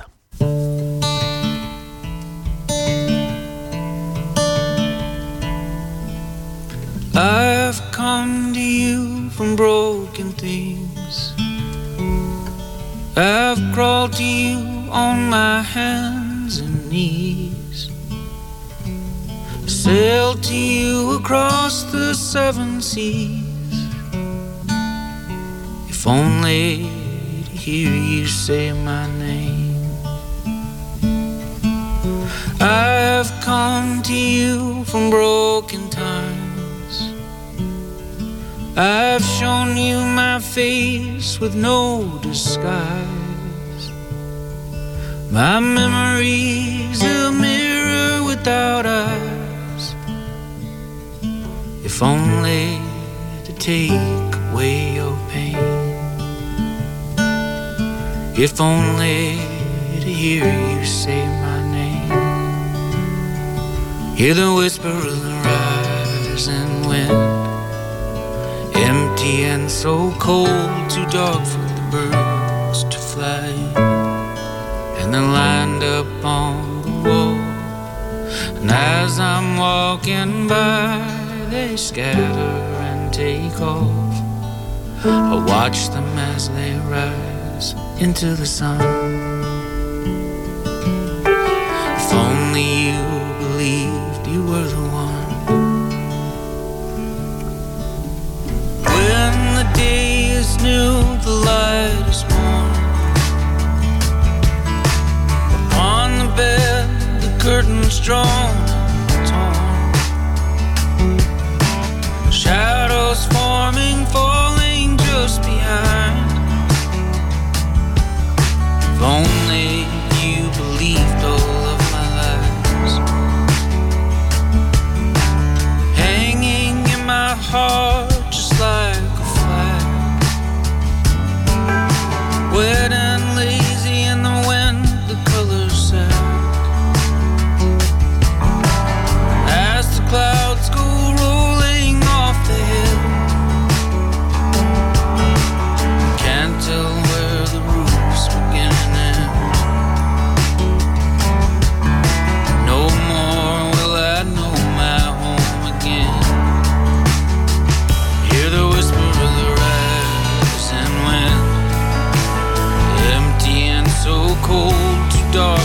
birds to fly in. They're lined up on the wall.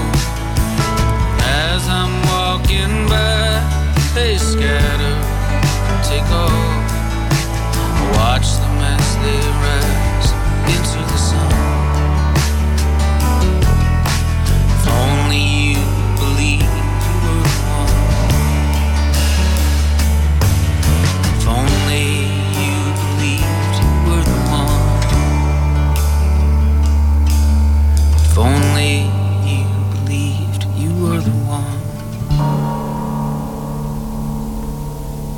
Het treedt binnenkort ook op in uh, Utrecht. Ryan Adams met het uh, nummer Broken Things. 1 minuut een reeks verhalen in 60 seconden. Deze is gemaakt door Jennifer Patterson en uh, de titel is Generatie Kloof. Pst, 1 minuut.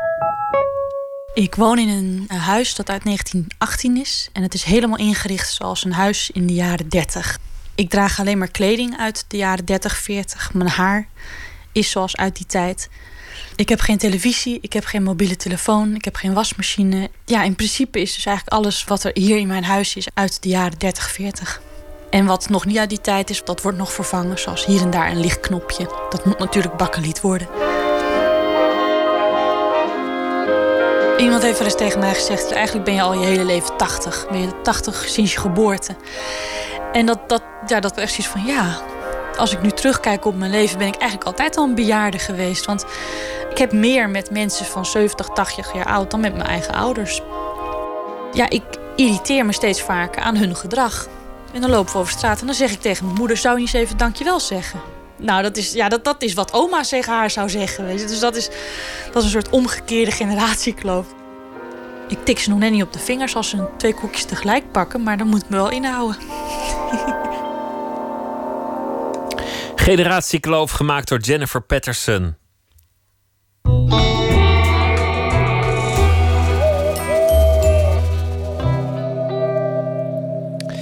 Ernest van der Kwast is deze week onze vaste schrijver. Hij heeft eh, vele boeken op zijn naam staan. De IJsmakers, Mama Tandori, Het Wonder dat niet omvalt. En deze week elke nacht een verhaal van zijn hand dat hij zelf zal voordragen. Ernest, goeienacht. Goeienacht. Vertel, wat, uh, wat heeft je vandaag bezig gehouden? Ik begin met, eh, met voorlezen meteen dan. Video. Behalve schrijver ben ik ook prostituee, programmamaker en presentator. In die laatste hoedanigheid mag ik op vrijdag 16 juni in gesprek gaan met de Indiase schrijfster Arundhati Roy. Ze won in 1997 de Booker Prize voor haar debuutroman The God of Small Things. Er werden meer dan 6 miljoen exemplaren verkocht. Nu, na twintig jaar, verschijnt daar lang verwachte tweede roman... The Ministry of Utmost Happiness. De verwachtingen zijn hoog gespannen. Ook die van de Nederlandse uitgever. Die heeft mij dan ook verplicht om een grote zaal te boeken in Rotterdam. Ik zal Arundhati Roy dan ook interviewen in de Doelen... in een zaal waar 650 mensen passen. Het probleem met Rotterdam is het publiek. Er is een kleine elite die graag naar kunst en cultuur gaat. Bij literaire avonden zitten er meestal zo'n 50 mensen. Ik heb daarom contact gezocht met diverse Indiaanse en Hindoestaanse verenigingen om deze doelgroep te mobiliseren. Zo belandde ik vandaag in een appartement van een prachtige jonge Indiase vrouw die een online platform bestiert voor Indiërs en Hindoestanen in Nederland. Allemaal young potentials. Ik mocht hen toespreken via een video, maar moest eerst mijn schoenen uittrekken om het appartement binnen te komen. Op tafel stond, stond al een glaasje water klaar en een schaaltje met aardbeien zonder kroontje. Ik denk dat als mijn moeder mee zou zijn gekomen... ze me onmiddellijk had gedwongen met haar te trouwen. Ik ben half Indiaas, maar voel me voor 100% Nederlands. Dat vind ik soms jammer. Ineens uh, ben je daar toch ook in die, in die andere helft van je genen... waar je ja. misschien helemaal niet bij thuis voelt... en, en moet je die, uh, die groep aanspreken... Om die, toch ook om die zaal gewoon vol te krijgen. Yes. Ja. Ja, je moet, je, moet, je moet de boer op. En uh, dat, dat, dat is, ik kan het wel. Ik kan vrij goed wel uh, de prostituee zijn. maar er zijn ook wel bijvoorbeeld zo'n filmpje opnemen. Vind ik, ik ben natuurlijk wel schrijver. Ik vind het heel goed leuk met woorden om te gaan. En goede, leuke, ludieke teksten te schrijven. Weet ik veel. Maar dan, ja, kijk, die, dame zei... Nee, we willen een filmpje. Je moet, een, je moet hen toespreken. En, en dan begin ik toch een partij te stotteren.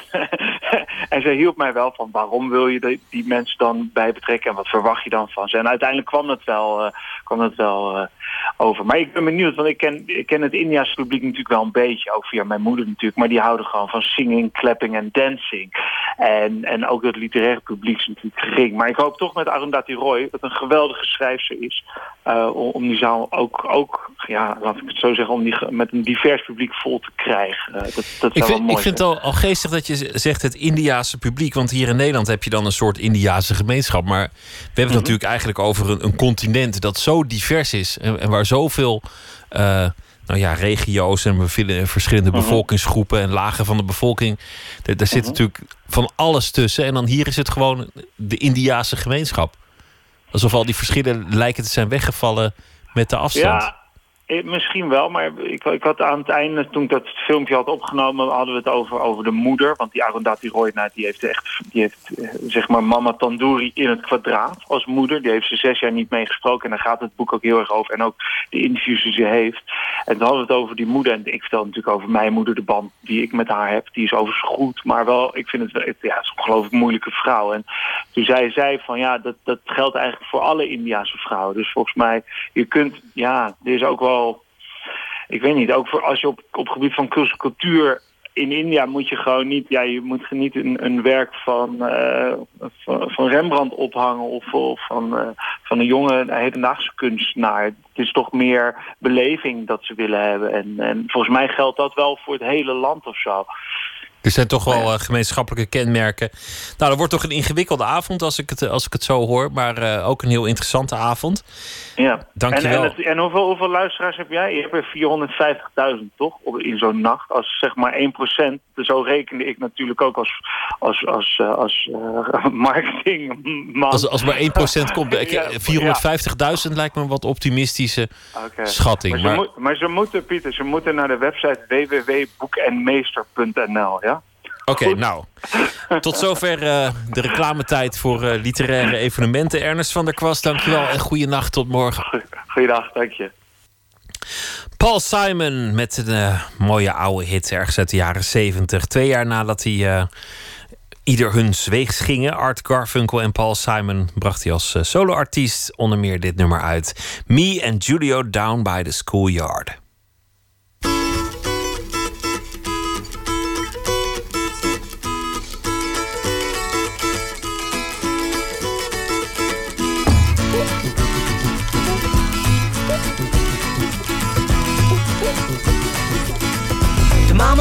Pajama rolled out of bed and she ran to the police station. When the papa found out, he began to shout and he started the investigation. It's against the law. It was against the law. Or what the mama saw. It was against the law. The mama looked down and spit on the ground every time my name gets mentioned. Said, Oh, if I get that boy, I'm gonna stick him in the house of detention. Well, I'm on my way. I don't know where I'm going. I'm on my way. I'm taking my time, but I don't know where. Goodbye to Rose, the queen of Corona.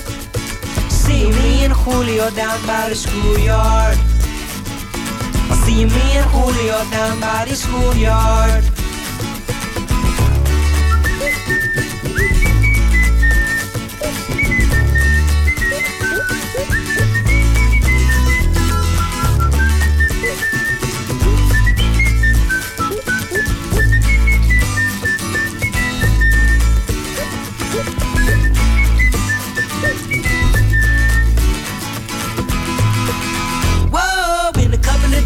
Of and take me away, but the press let the story leak.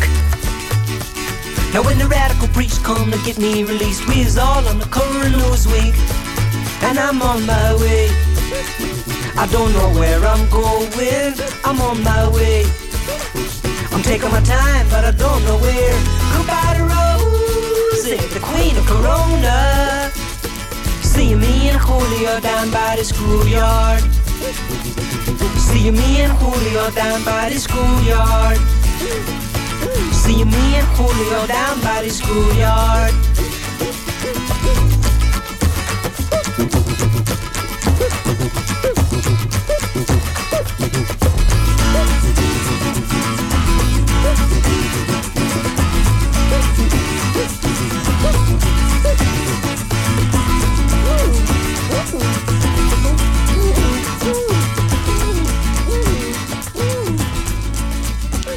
Me and Julio Down by the Schoolyard van Paul Simon. Poëzie van Annemieke Gerrist.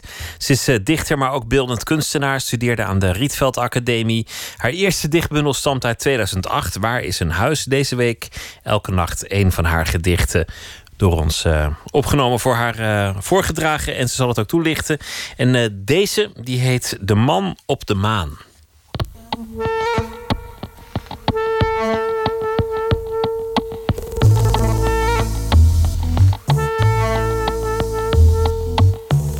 De man die op de maan de vlag had geplant, leest vandaag in de krant dat de vlag is omgevallen. Op aarde staan zijn grote maanschoenen in een museum. Ze hebben het maanstof nog in de naden. Toen hij klein was, droomde hij van blote voeten in groen gras. Sinds hij op de maan is geweest, heeft hij het altijd koud. Zijn huwelijk begon met auto's die luid toeterend door de straten reden. Hij zat in de voorste auto. Iemand met een gitaar voor zijn buik zong een lied over een man op de maan. Hij stak wat sla in zijn mond. Zijn vrouw vroeg wat ze die avond aan moest trekken, want ze hield niet van wit. Dat deed haar weer denken aan de maan. In de avond had hij het koud. Toen de maan scheen op zijn lakschoenen en hij danste met zijn vrouw in zijn armen. Dit was naar aanleiding van een artikel waarin ik las. ehm, de zin, de, de kop van de zin. De vlag op de maan is omgevallen. En ik dacht, wat als de man die die vlag heeft geplant, nou vandaag de krant opslaat en leest dat die is omgevallen, dan is die echt totaal voor niks naar die maan gegaan. Hup, vlag erin en weer terug. Dat vond ik zo zielig dat ik me ging verplaatsen in de man. De man die op de maan de vlag had geplant, leest vandaag in de krant dat de vlag is omgevallen. Op aarde staan zijn grote maanschoenen in een museum. Ze hebben het maanstof nog in de naden. Toen hij klein was, droomde hij van blote voeten in groen gras. Sinds hij op de maan is geweest, heeft hij het altijd koud. Zijn huwelijk begon met auto's die luid toeterend door de straten reden. Hij zat in de voorste auto. En iemand met een gitaar voor zijn buik zong een lied over een man op de maan. Hij stak wat sla in zijn mond. Zijn vrouw vroeg wat ze die avond aan moest trekken, want ze hield niet van wit. Dat deed haar weer denken aan de maan. In de avond had hij het koud, toen de maan scheen op zijn lakschoenen en hij danste met zijn vrouw in zijn armen. Annemieke Gerrist las het gedicht De Man op de Maan. Morgen in Nooit meer slapen komt uh, schrijver Stefan Brijs op bezoek. Hij schreef Andalusisch Logboek. Een boek over de plek waar hij sinds 2014 woont. Uh, het zuiden van Spanje. Brijs woont uh, in Los Romanes, een dorpje in de bergen ten oosten van Malaga. En hij heeft een logboek bijgehouden over alles wat hij daar meemaakt. Over de geschiedenis, de cultuur, zijn belevenissen en, en het dorp. Dat allemaal morgen in Nooit meer slapen. Voor nu wens ik u een hele goede nacht. Veel plezier zometeen op deze zender met uh, Top Radio van BNN Vara. De hoogtepunten van een week uh, radio zullen, zullen aan uw uh, oor voorbij trekken. Ik wens u daarbij veel plezier. Goeienacht, tot morgen.